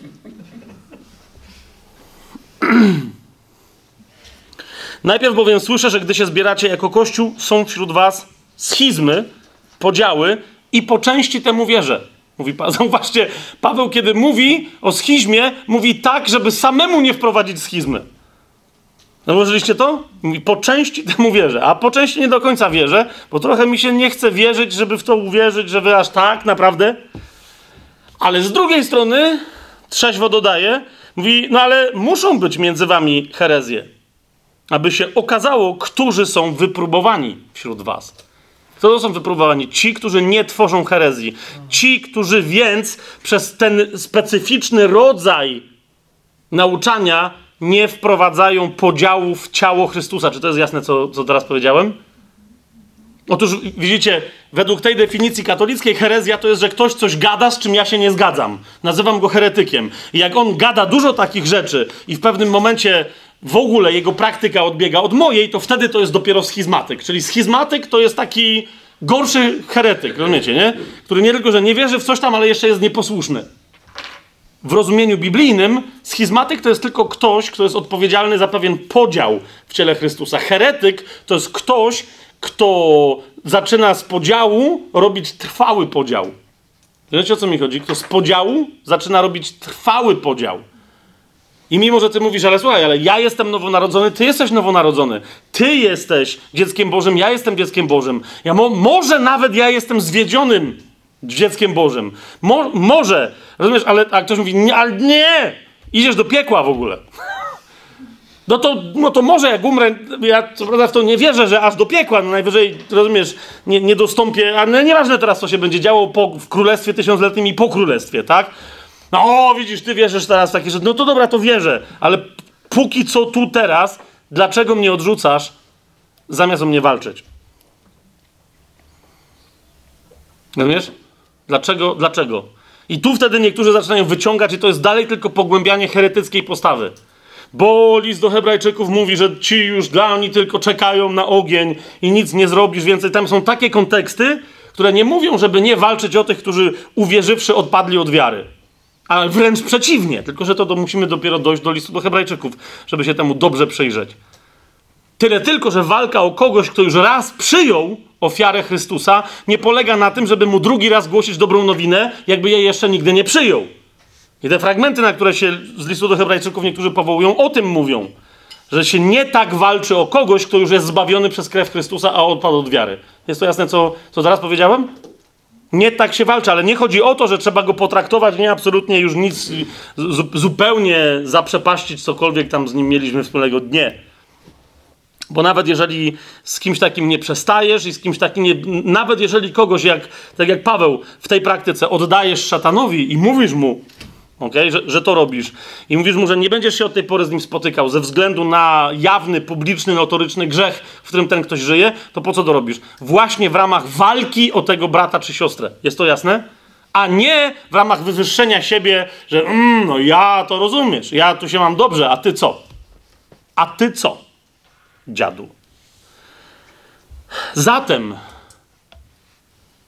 jaki jest cel napisania pierwszego listu do Koryntian? To jest dla mnie zawsze najbardziej zdumiewające, ale widzicie, jak się ma te wszystkie rzeczy, o których ja dzisiaj się tyle nagadałem, te wszystkie presupozycje, te wszystkie, e, jak dzisiaj niektórzy młodzi ludzie mówią, incepcje, wcześniej sprzedane idee i my, nam się wydaje, że coś odkrywamy, a tak naprawdę tylko wyrzucamy z siebie coś, co ktoś wcześniej w nas wszczepił.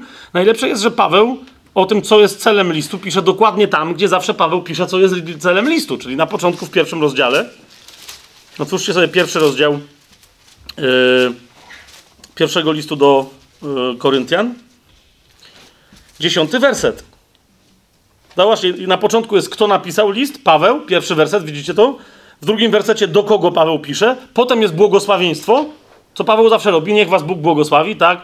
Miłość Boga Ojca, łaska naszego Pana. Okej, okay, okej, okay, okej, okay, okej. Wierny jest Bóg, przez którego dziewiąty werset. I w dziesiątym wersecie Paweł mówi, jaki jest cel napisania tego listu. Proszę więc was, bracia, przez imię naszego Pana Jezusa Chrystusa, żebyście wszyscy to samo mówili i żeby nie było wśród was rozłamów. Jak myślicie, jakie to jest słowo? Schizma. Żeby nie było wśród was schizm, żeby nie było wśród was rozłamów, ale abyście byli zespoleni jednakowym umysłem i jednakowym zdaniem. Wow! Wow! I Paweł powtarza ten cel, bo żeby to wyjaśnić, Paweł od początku ma jedną rzecz na myśli. Tak jak ja do was przyszedłem, nie znając nikogo innego, dzisiaj nie mamy na to czasu, ale w, przyszłym tygodniu się tym zajmiemy, co to znaczy, nie znając nikogo innego, jak tylko Chrystusa i to ukrzyżowanego, tak wy również macie mieć przed oczami tylko Chrystusa ukrzyżowanego. Macie się tylko z Nim znać i widzieć całego Chrystusa ukrzy ukrzyżowanego w tobie, ale na zewnątrz całego Chrystusa, którym jest Jego ciało tu na ziemi. W związku z tym Paweł prawie że od początku tego listu mówi o ciele. Niektórzy mówią, że dopiero Paweł o ciele mówi w 12 rozdziale. To zwróćcie uwagę, kiedy Paweł mówi o ciele. I to o ciele Chrystusa. Okay? Jak wcześnie, jak będziecie czytać ten list, jak wcześnie wspomina ciało. Niemniej, kiedy już dociera do tej wielkiej metafory ciała, to jest 12 rozdział pierwszego listu do Koryntian, tam powtarza. E, de facto to jest zdanie, które jeszcze lepiej oddaje cel tego listu. Tak? Dlatego, że jest wyrażone wręcz celowo. Po co ten list został napisany? 12 rozdział, 25 werset, aby nie było podziału w ciele, ale żeby członki jednakowo troszczyły się o siebie nawzajem. Widzicie to? Co to znaczy, żeby nie było podziału? Tu jest znowu pada jakie słowo? Schizma. Żeby nie było schizmy w ciele, żeby nie było podziału w ciele. Ale, Paweł mówi, to nie tylko o to chodzi, żebyśmy dbali, no nie ma podziału. Nie, nie, nie, mówi, kiedy nie ma podziału? Wtedy, nie kiedy jeden członek nie ma nic do drugiego, ale wtedy, kiedy członki troszczą się o siebie nawzajem. A zwłaszcza o kogo się troszczą? Paweł mówi o te, które są normalnie najbardziej wstydliwe. Wtedy i tylko wtedy masz pewność, wtedy i tylko wtedy, jeszcze raz to powtórzę, masz pewność, według wizji z 12 rozdziału Pawłowego, czym jest ciało, okay? kiedy ktoś, kogo masz ze swojego punktu widzenia, swojej teologii, swojej praktyki kościelnej, swojej dyscypliny. Ktoś, kogo masz, przepraszam was za określenie, ale o to Pawłowi chodzi. ktoś, kogo masz za śmierdzący tyłek kościoła. Ktoś, o kim mówisz, dobra, może to jest zbawiona osoba, może yy, on się nawrócił kiedyś, ale naprawdę dzisiaj no to jest wstyd go pokazywać, dajże spokój. To jest wstyd tam podchodzić, to jest po prostu to jest smród, się, się toczy fałszywego nauczania, nędznej. Masz takich ludzi w kościele, nie mów, że nie masz. Ktoś gdzieś wiesz, że to jest absolutnie. Paweł w tym, w tym mówi, że dokładnie to jest część ciała, za którą ty jesteś odpowiedzialna i za którą ty jesteś odpowiedzialny, i ja jestem odpowiedzialny. Ok? Żeby się troszczyć o najbardziej yy, pozbawione szacunku członki. Zobaczcie, cały, cały kontekst yy, tego sformułowania, aby nie było schizmy w ciele, ale żeby członki jednakowo troszczyły się o siebie nawzajem. Widzicie to? Żeby nie było tego, ale żeby było co? Żeby była troska, e, troska wzajemna. Yy, mamy jeszcze z, z jakieś 20 minut, pół godziny? Mamy? Chcę wam pokazać parę miejsc, żeby, jeszcze raz, żeby, y, y, żebyście zobaczyli, gdzie się pojawia to słowo, bo my mamy schizmę przetłumaczoną jako podział. Ale na przykład tym wyrazem posługuje się Pan Jezus. Ok? Gdzie on się posługuje tym wyrazem? Co on nazywa schizmą? O czym on mówi? No bo musi mówić o kościele, kiedy mówi o schizmie, prawda? Otwórzmy sobie Ewangelię Mateusza. Dziewiąty rozdział.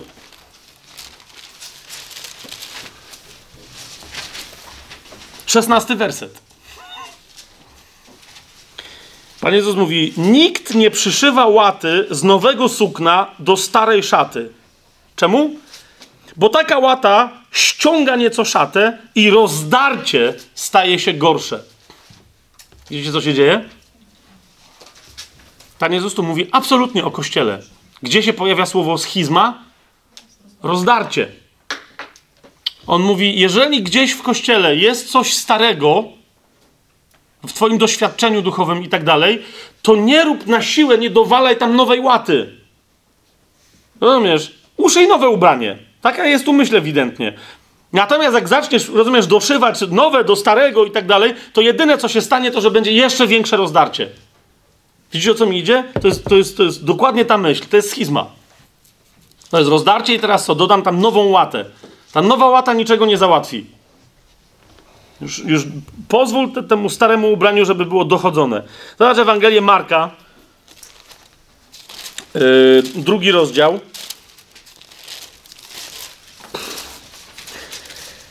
Dwudziesty pierwszy werset. Nikt nie przeszywa łaty z nowego sukna do starej szaty. Inaczej nowa łata ujmuje nieco od starej szaty, i rozdarcie staje się gorsze. To nie jest to samo, to jest, to jest bardzo podobne sformułowanie Pana Jezusa, ale jest nieco inne. Widzicie to? Mówi, masz coś nowego? Nie, nie atakuj to, co jest stare, bo zauważcie, o, czym on mówi. O wzięciu z nowego, wycięciu kawałka materiału z, z nowej szaty. No, zauważ przy okazji, w, w starej szacie robisz rozdarcie, robisz schizmę, a w nowej szacie zrobiłeś w ogóle dziurę. W ten sposób. E, podam wam parę przykładów e, fajnych, takich śmiesznych schizm. Gdzie pojawia się dosłownie słowo, słowo schizma, to jest Ewangelia Jana, siódmy rozdział. 43 werset. Zaczęli się kłócić o Pana Jezusa. Czyż pismo nie mówi, że Chrystus przyjdzie z potomstwa Dawida i z miasteczka Betlejem, gdzie mieszkał Dawid? Inni mówili, bo mówili, to jest Chrystus, a inni mówią, ale to jak Chrystus z Galilei. I w związku z tym w 43 wersecie i tak z jego powodu nastąpiła schizma wśród ludu. Jest napisane w tym fragmencie, nastąpiła schizma. Teraz zauważcie, jedni tam w, w zasadzie, bo, bo, niektórzy mówią, że tu nikt nie miał racji, dlatego była schizma. Zwróćcie uwagę, że w zasadzie każda strona miała jakąś rację. Całkiem słuszną. Jedni mówili, no ale przecież musi być z Betlejemu, a on nie jest z Betlejemu. Trzeba było im wytłumaczyć, że no właśnie jest. Tylko wy wiecie, że jest z Galilei. Nie? Innym to w ogóle, da, ważne tam skąd jest. To, widzisz, co on robi. Ci mówią, no nie, ale to musi być zgodne z pismem. Więc nastąpiła schizma na bazie tego, że każdy miał trochę jakiejś racji. No, ale uważał, że ta jego racja to jest najświętsza, naj, najracjonalniejsza racyjnie racja. Dziewiąty rozdział Ewangelii Jana, szesnasty werset. Wtedy niektórzy z faryzeuszy powiedzieli, ten człowiek nie jest z Boga, bo nie przestrzega szabatu. Inni natomiast mówili, jak może grzeszny człowiek czynić takie cuda? I nastąpiła wśród nich schizma. Znaczy, dokładnie ten przykład. Macie faryzeuszy, którzy mówią, hej, my wiemy, nie? Szabat. I teraz nie piję do adwentystów, uspokójcie się. To mówię o faryzeuszach. My wiemy, szabat. A tam ci mówią, no fajnie, że szabat, ale moc. No i masz. Ewangelia Jana, dziesiąty rozdział.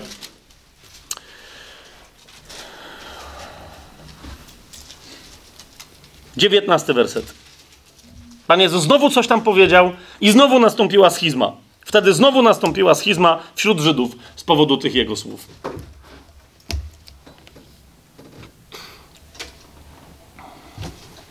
Teraz, kochani, e, zupełnie na, na sam koniec, koniec, koniec. Paweł mówi, że zasadniczo herezje dzielą się na dwa typy. Czyli, że ludzie w, tworzą nauczania, na podstawie których wzywają do pewnych praktyk, i to tworzy stronnictwa, które, które to stworzenie takich, takiego stronnictwa jest herezją. Mówię, że zasadniczo herezje mają dwa, typ, dwa typy. Jeden typ to jest helleński, a drugi typ to jest typ y, judaistyczny. Okay? Czyli typ grecki i typ y, żydowski. Paweł mówi, nie możemy sobie pozwolić na herezję, bo herezja jest ekstremalnym y, przejawem schizmy, ekstremalnym przejawem rozłamu. Ktokolwiek wprowadza podział w ciele Chrystusa, ten jest heretykiem. Nawet jeżeli to, co głosi, jest prawdziwe. Ok? No my dalej będziemy musieli to zrozumieć, jakby pewną rzecz, bo, bo, bo to jest coś, co cały czas byśmy kupili jako biblijnie, ewangelicznie wierzący chrześcijanie od Kościoła rzymskokatolickiego. Herezją tam jest powiedzenie czegoś nie tak, jak to mówi magisterium rzymskiego kościoła. Rozumiecie? To jest herezja. Teraz tylko, że ponieważ nie ma jednego papieża wśród protestantów, o co najczęściej katolicy oskarżają protestantów. Co to w ogóle za dziadostwo, każdy tam se gada co chce. No to w związku z tym powstają domorośli papieże. I mówią, ja właśnie teraz wszystkim przedstawię, jak wygląda kompletny zestaw, jak należy wierzyć. I to zasadniczo, jak, jak macie te, te, To są jedne z, z, ze strasznych przykładów tego rodzaju postawy, te stronki, o których niektórzy z Was widziałem, że kiwali, że, że, że wiecie, o jakich tam miejscach w internecie yy, powiedziałem tak? Czy o, o jakich tam postawach. Otóż y, y, Paweł mówi następującą rzecz, tak? To jest y, pierwszy list do Koryntian, pierwszy rozdział.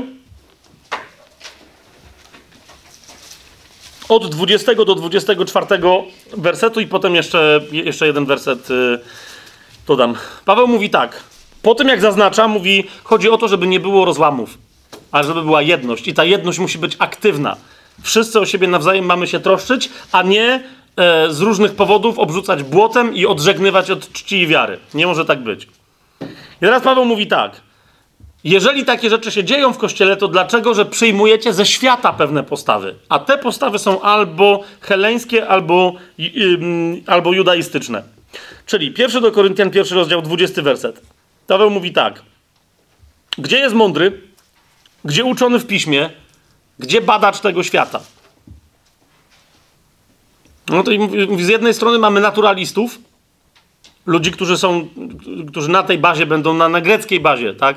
Będą budować jakieś tam swoje postawy. Podam wam przykład. Dotkniemy bardzo poważnie, bardzo głęboko tematu e, w najbliższym czasie, niekoniecznie, no w każdym razie, dotkniemy tematu małżeństwa czy jest możliwe powtórne małżeństwo? Czy jest możliwy rozwód? Czy tylko separacja? Na jakich zasadach? Co mówił Pan Jezus? Jaki jego nauczanie ma związek e, z Torą? A dlaczego Paweł w ramach małżeństwa odwołuje się do Tory? O co chodzi? Będziemy musieli wgryźć się w Słowo Boże i cokolwiek tam odczytamy, każdy, kto, kto ma do czynienia z jakimś problemem a propos małżeństwa, będzie się potrzebował do tego odnieść, co mówi Słowo Boże. Amen? Ale są tacy, którzy mówią, na przykład, dosłownie, taką rozmowę kiedyś odbyłem i, i, i jeden mąż Boży mi powiedział, Fabian, po co dotykać w ogóle tego tematu? Mówi, wiesz, no, dzisiaj po zborach wśród wierzących ludzi, ja nie wiem skąd taka w ogóle, yy, więc tu się mogę mylić, ale cytuję tylko, tak? On mówi, dzisiaj masz wśród małżeństw Mówi, w niektórych zborach masz 60%, nawet więcej małżeństw, które są po jakby drugimi czy trzecimi, trzecimi małżeństwami, włącznie z pastorami. I mówi, to po co teraz już, mówi, no sytuacja jest jaka jest, rozumiecie o co mi chodzi? To co tutaj będziesz dotykał? No jakoś, trzeba, jakoś sobie trzeba z tym radzić. No, przecież nie potępisz teraz ludzi, nie, rozumiecie o co mi idzie? To, to jest jedna, jedna z takich postaw naturalistycznych, jakby nie badamy tematu, Słowo Boże może, a jak się okaże, że Słowo Boże nie ma rozwiązania, to co będziemy dzikimi fanatykami? Dajże spokój, to już nawet Kościół rzymskokatolicki postąpił do przodu i tych swoich katolickich rozwodów udziela. Więc daj spokój, nie dotykajmy tego tematu. Podejdźmy mądrze do sprawy. No, jest jak jest, idźmy dalej do przodu. To jest naturalistyczne podejście. Inni na to przychodzą, coś tam wyczytają w Biblii, nie do końca sprawdzą wszystkie konteksty, nie do końca sprawdzą całe nauczanie, od razu walą i mówią, to jest grzech. A jeszcze najlepiej, jak to nie jest w ogóle ich sprawa. Wiecie o co chodzi, nie? Najlepiej, jak to nie jest ich sprawa. Ktoś tam przychodzi i mówi, to jest moja żona. Nie miałeś jakiejś innej żony? I jakby, rozumiecie, i ktoś trzeci tego słucha i mówi, ej, właśnie, nie czytałem. Potem się okazuje, że to nie była jego żona, to była jego dziewczyna. Rozumiecie? Więc macie tu dokładnie te dwie postawy. Jeden, badacz natury, drugi, uczony w piśmie. A Paweł, zobaczcie, co, co pisze dalej. Czy Bóg nie obrócił w głupstwo mądrości tego świata? Skoro bowiem w mądrości Bożej świat nie poznał Boga przez mądrość, upodobało się Bogu przez głupstwo głoszenia zbawić tych, którzy wierzą. Gdyż Żydzi domagają się znaków, a Grecy szukają mądrości. To jest kolejna rzecz. Ta, mm, to, to przyczepienie się Żydów do pisma wynika bardzo często z braku mocy. No, jak ktoś przyjdzie i pokaże moc, to, to możemy nawet Słowo Boże odpuścić. Ale jak, no właśnie, ale jak nie demonstruje mocy, no to go wtedy tym słowem uwalimy. Potem przyszedł Pan Jezus, zademonstrował moc, jakiej w życiu nie widzieli, tak się przestraszyli, no bo jednocześnie im zaczął wyjaśniać, co potrzeba zmienić, że wtedy wrócili do swoich mocy, nie? Ale szabat. No ale nie wolno uzdrawiać w sobotę i tak dalej. Zrobili wszystko, żeby, jak sądzili, żeby go, żeby go pogrążyć, tak? Fałszywa uzurpacja mocy. Więc tu, jak, jak Paweł mówi o mocy, on zresztą później do tego się wielokrotnie odwołuje, to mówi, że to, jest, to, to nie musi być prawdziwa moc. To, to może być moc rozumiana jako władza religijna. Jest to, jest to zrozumiałe? Jest to zrozumiałe? Co, co mówię? Okej. Okay. Żydzi domagają się znaków, Właśnie to jest to. A Grecy szukają mądrości. Na co Paweł odpowiada, ale my głosimy Chrystusa ukrzyżowanego, który dla Żydów wprawdzie jest zgorszeniem, bardzo interesujące, a dla Greków głupotą, ale dla tych, którzy są powołani, zarówno dla Żydów, jak i Greków, głosimy Chrystusa moc Bożą i mądrość Bożą. Więc to jest pierwsza, to będzie najważniejsza rzecz od początku aż do końca. Okay? Paweł cały czas będzie mówił: wróćcie do Chrystusa, okay? który jest On, nie ma moc, On jest mocą Bożą, który jest mądrością Bożą. Nie On ma mądrość, On jest naszą mądrością. Później. E, w drugim rozdziale, w szesnastym wersecie Paweł wręcz powie: My mamy umysł Chrystusa i tym umysłem się posługujcie. Jest rzeczą absolutnie niemożliwą, mówi Paweł, żebym ja miał umysł Chrystusa, żebyś ty, siostro, miała Chrystusa, żebyś ty, bracie, Kamil, żebyś ty miał umysł Chrystusa i żeby, i żeby umysł Chrystusa w tobie myślał coś innego niż we mnie. Tak? I, i, i w siostrze. Rozumiecie, o co mi idzie? Jeżeli siedzimy naprzeciwko siebie, się z czymś nie zgadzamy, jest coś tam wywoł, rozumiecie, obowiązkiem umysłu Chrystusa we mnie i zaszczytu, że mam umysł Chrystusa w sobie, jest siedzieć z tobą tak długo, aż zrozumiem o co tobie chodzi i dlaczego ja gadam innym językiem. I przyznać się do błędu. Albo pomóc tobie wyjść z jakiegoś błędu. To, to, to jest to, to znaczy, że głosimy Chrystusa. Ukrzyżowanego. To znaczy, że my najpierw krzyżujemy się dla świata. Ja, ty nawzajem się do tego zachęcamy i ukrzyżowani dla świata odkrywamy siebie w jedności umysłu Chrystusowego, który w nas jest, Ducha Świętego, którego przez Niego, którego przez Chrystusa otrzymaliśmy od Ojca, jedności wyznawania tego samego Pana i woli, jednej woli we mnie i w Tobie. Jest to zrozumiałe, co, co teraz gadam? Teraz Ci, którzy idą za mądrością grecką, wszelkiego rodzaju, także w odniesieniu do pisma, albo e, znakami, czyli mocą, mm, także związaną z jakimś rzekomym mm, prawem do rządzenia ludźmi religijnym, tak jak Żydzi, Paweł mówi, że wszystkie te rzeczy nie mają być konfront... Bo, bo mówi, zauważ jak bardzo łatwo, żeby naturalista stanął naprzeciwko yy, mocarza, rzekomego duchowego i oni się będą nawalać.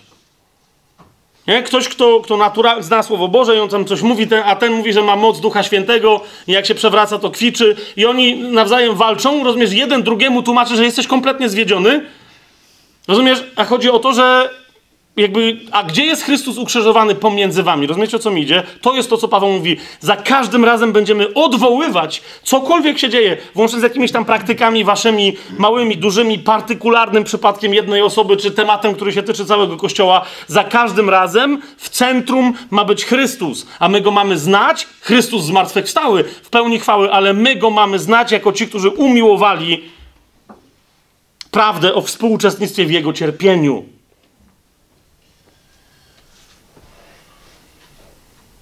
Co zwykle dla, chrześci dla chrześcijanina oznacza nawet własnym kosztem przyznać rację drugiemu. To rozumiecie, niektórzy. Nie pamiętam, który to z wielkich mężów bożych, Moody chyba powiedział taką rzecz. Mówi: My, chrześcijanie, to wredni jesteśmy. Mówi, Wszyscy chcemy robić dla Boga wielkie rzeczy, a nikt nie chce robić małych. Czujecie to? Pierwszy raz, jak to usłyszałem, się uśmiechnąłem, a, a potem mnie ścięło jak kosą, taką wiecie, jak trawa pod kosą, to ja dokładnie to tak samo, dokładnie tak poleciałem. O, wielkie rzeczy, fantastycznie. Może za 2-3 lata, ale do tej pory masz codziennie 500 okazji, żeby zrobić małe rzeczy dla Boga. No ale tu jakby, nie? Cudownie jest popłakać sobie przy świadectwach śmierci męczenników w Chinach, nie? I myśleć sobie, a jak ja bym oddał życie za Chrystusa. A tymczasem trzeba się do żony uśmiechnąć, ona mi przeszkadza, bo czyta o męczenniku z Chin. To była hipoteza, wiem, ja nigdy tak nie zrobiłem, bo Madzia się zdziwiła. No, znaczy, jakie świadectwo? To, nie, przecież tak nigdy nie było. To był taki abstrakcyjny przykład, Madzia. To nie, nie mój, tylko kogoś na pewno innego.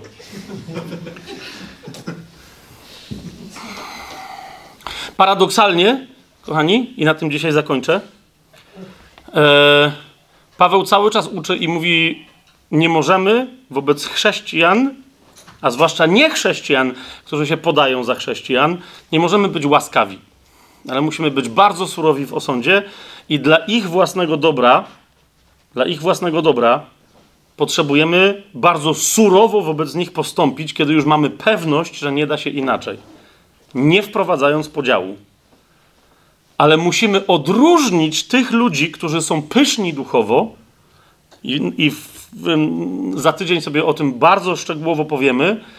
E, jak, jak, bo widzicie, Paweł, mając na celu jedność ciała i uchronienie ciała tego lokalnego kościoła w Koryncie przed jakimkolwiek heretyckim podziałem, Paweł jakby w tym swoim tańcu przechodzi co i róż od postawy kogoś, kto jest niewierzący i wmawia wierzącym, że mogą być jacyś tam, do postawy kogoś, kto twierdzi, że rzekomo ma objawienie, do kogoś, kto nie ma żadnego objawienia, ale on twierdzi, że ma moc i ma power i ma władzę i on coś może, a Paweł nie może, bo go nie ma. To jest, to jest, to jest cały czas, Paweł cały czas krąży, mówi, w środku jest Chrystus i ja tańczę dookoła Niego. Bo nie znam, od początku jak się z wami poznałem, postanowiłem nie znać nikogo innego jak tylko Chrystusa i to ukrzyżowanego. I ja tańczę z Nim, On jest w centrum, ja się kręcę dookoła Niego. A tych, którzy mówią, nie, nie, na lewo, na prawo jest lepiej, w ramach tego tańca przywołuję albo wróćcie do centrum, albo zostańcie tam, gdzie jesteście, ale wtedy dajcie spokój komu? Słabym w ciele Chrystusa. Dajcie spokój słabym. Więc Paweł mówi, jeżeli Dlaczego musimy rozpoznać tych, którzy są pyszni w duchu? Po to, żeby ochronić słabych. I teraz paradoksalnie chcę wam polecić, e, oprócz lektury całego pierwszego listu do Koryntian, wtedy sobie zobaczycie, co się dzieje. Że Paweł cały czas, znaczy genialnie, on po prostu jak na jednym wydechu rozwija jeden i ten sam temat. Rozwija go podając tylko konkretne przykłady, o których zasłyszał z Koryntu albo o których oni mu napisali. Ale jako wstęp do całego pierwszego listu do Koryntian. To będzie sensacja teraz. Chcę e, Wam polecić e, najmniej przeze mnie, właśnie z tego powodu komentowany fragment listu do Rzymian. To jest list do Rzymian od 14 rozdziału, pierwszego, to będzie półtorej rozdziału, kochani. To jest list do Rzymian, 14 rozdział, pierwszy werset do 15 rozdziału 14 wersetu. Ok? Widzicie, nawet tych, którzy próbują popaść e, w pychę, Paweł ich nie odrzuca, ale próbuje ich skłonić do nawrócenia. Mówi, to jest nasza postawa wobec pyszałków duchowych. Po co? Żeby ochronić tych, którzy są słabi w wierze i którzy bardzo chętnie za pyszałkami duchowymi pójdą. Potem pysza, pyszałek, jak się rozczaśnie, to co zrobić, ale jak za nim idąc rozczaśnie się 15, 20 albo 1000 słabych e, w wierze ludzi, to być może, że to już jest ta sytuacja, o której Pan Jezus powiedział, jeżeli ktoś z was zgorszy choćby jednego z tych małych, to lepiej, żeby sobie powiesił kamień młyński u szyi. I, i, I Paweł bardzo poważnie to traktuje. Zobaczcie, yy, czternasty rozdział się zaczyna, pierwszy werset od zdania tego, kto jest słaby w wierze, przyjmujcie. Ale nie po to, żeby sprzeczać się wokół spornych kwestii. Słyszycie? To, to jedno zdaniem i przyjmujcie nie po to, żeby się z nim sprzeczać. On może nie wiedzieć, o co chodzi. I potem do 15, 15 rozdziału, po całym tam rozważaniu, między innymi w kontekście jedzenia, ale nie tylko bo zauważcie, że tam chodzi, yy, chodzi nie tylko o diety, o, o rzeczy ofiarowane demonom, bożkom i tak dalej, ale jemu też chodzi z drugiej strony o religijność związaną z dniami, z, z kalendarzem, z szabatami i tak dalej.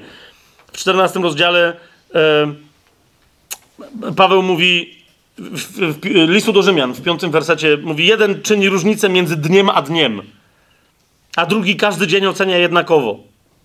Każdy niech będzie dobrze upewniony w swoim zamyśle. Niech mają. Ale to nie jest powód, żebyś ty jednego czynił lepszym, a drugiego gorszym. Ok? Szósty werset. Kto przestrzega dnia, dla Pana przestrzega. I ty się tylko upewnij, czy on to robi dla Pana. A kto nie przestrzega dnia, dla Pana nie przestrzega. I się tylko upewni, czy on nie przestrzega dla Pana, czy cwaniakuje. Teraz rozumiesz, jaka jest zgoda między tym, kto obchodzi szabat i tym, kto nie obchodzi szabatu. Taka, że jeden i drugi to, co robi, robi dla Pana. Rozumiesz? Jeżeli jeden wmawia drugiemu, który robi coś przeciwnego dla Pana i ten mu mówi, ponieważ tego nie robisz, to już automatycznie to jest nie dla Pana, to ma problem z, z tym, o czym Paweł, to, to jest herezja. Ok? Ja nie mam problemu z kaszanką. W sensie, rozumiecie, z kiszką, świńska, krew, tam te wszystkie wątki, tak? Ale by, bywaliśmy, yy, nie, nie tylko my z Madzią, no, yy, tak, jako tajemny plan Weronika, Tymek też to mogą potwierdzić, w paru miejscach, gdzie byliśmy poczęstowani i wyraźnie nam ktoś powiedział, że dostajemy kiszkę, ale że to jest biała kaszanka, że tam nie ma krwi. To było bardzo ważne, żebyśmy my się ucieszyli. Rozumiecie, mi to tam, pff, w sensie nie jadłem, to spróbuję, tak? Ale, ale raz tylko tak się zdarzyło, że, że się ironicznie nieco uśmiechnąłem, że no okej. Okay. Znaczy, i, i, I bardzo mocno w duchu tego za chwilę pożałowałem. Nie, żeby oni się zasmucili czy coś, bo nawet nie zauważyli, ale Duch Święty mnie przymulił. I powiedział, co robisz? Co robisz? I, i od tej pory pamiętam, że, że potem byłem bardzo, okej, okay, nie ma krwi, super. Jak chcieli pogadać na ten temat, dobra, to wtedy im wyjaśniłem, że nie ma to dla mnie znaczenia, ale dlaczego, rozumiecie, jeżeli oni to robią dla Pana, rozumiesz o co mi chodzi? Co ci daje prawo cwaniakować, jeżeli ty nie robisz tego czegoś też dla Pana? Hmm? Siódmy werset, nikt bowiem z nas dla siebie nie żyje i nikt dla siebie nie umiera.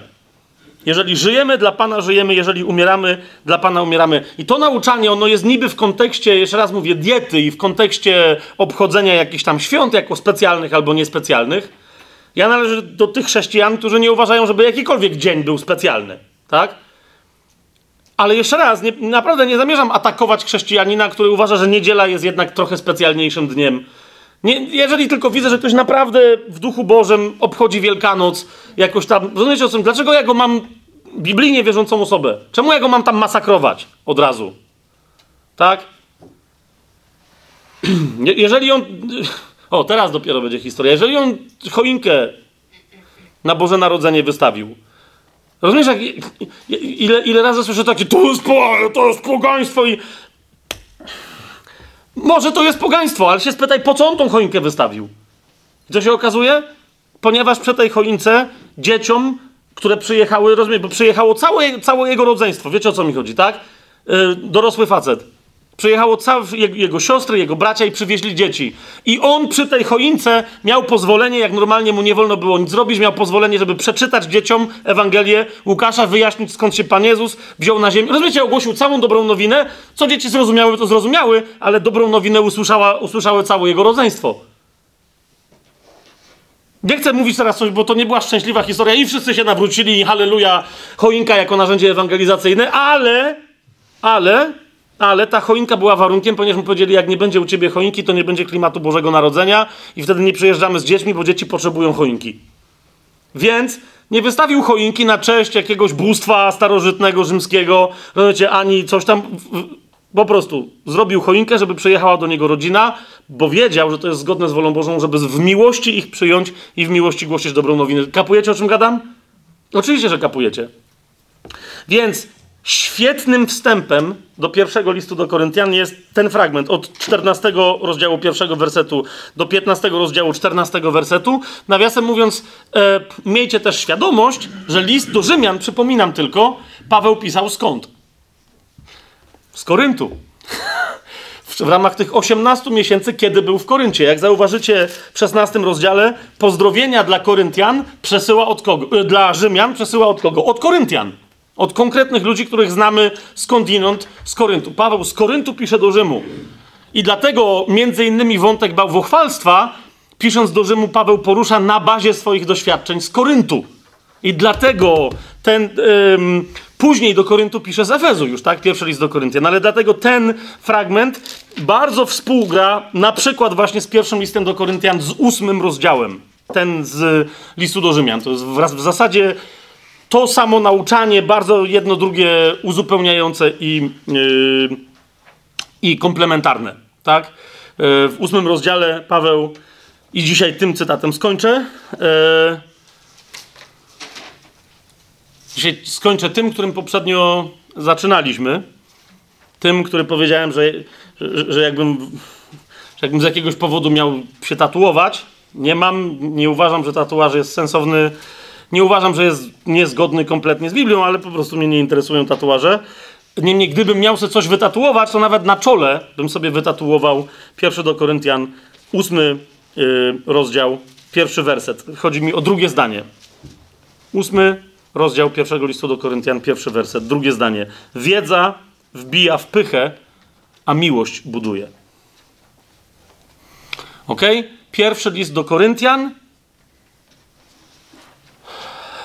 mówi ani moc w kościele, ani wiedza, ani wiedza naturalna, ani oparta na Piśmie Świętym, ani nawet najczystsza doktryna z takiej wiedzy wynikająca nie ma żadnego znaczenia i nie będzie budować, jeżeli nie będzie wynikać z miłości, jeżeli nie będzie przekazywana w miłości i jeżeli nie będzie prowadzić w efekcie do miłości.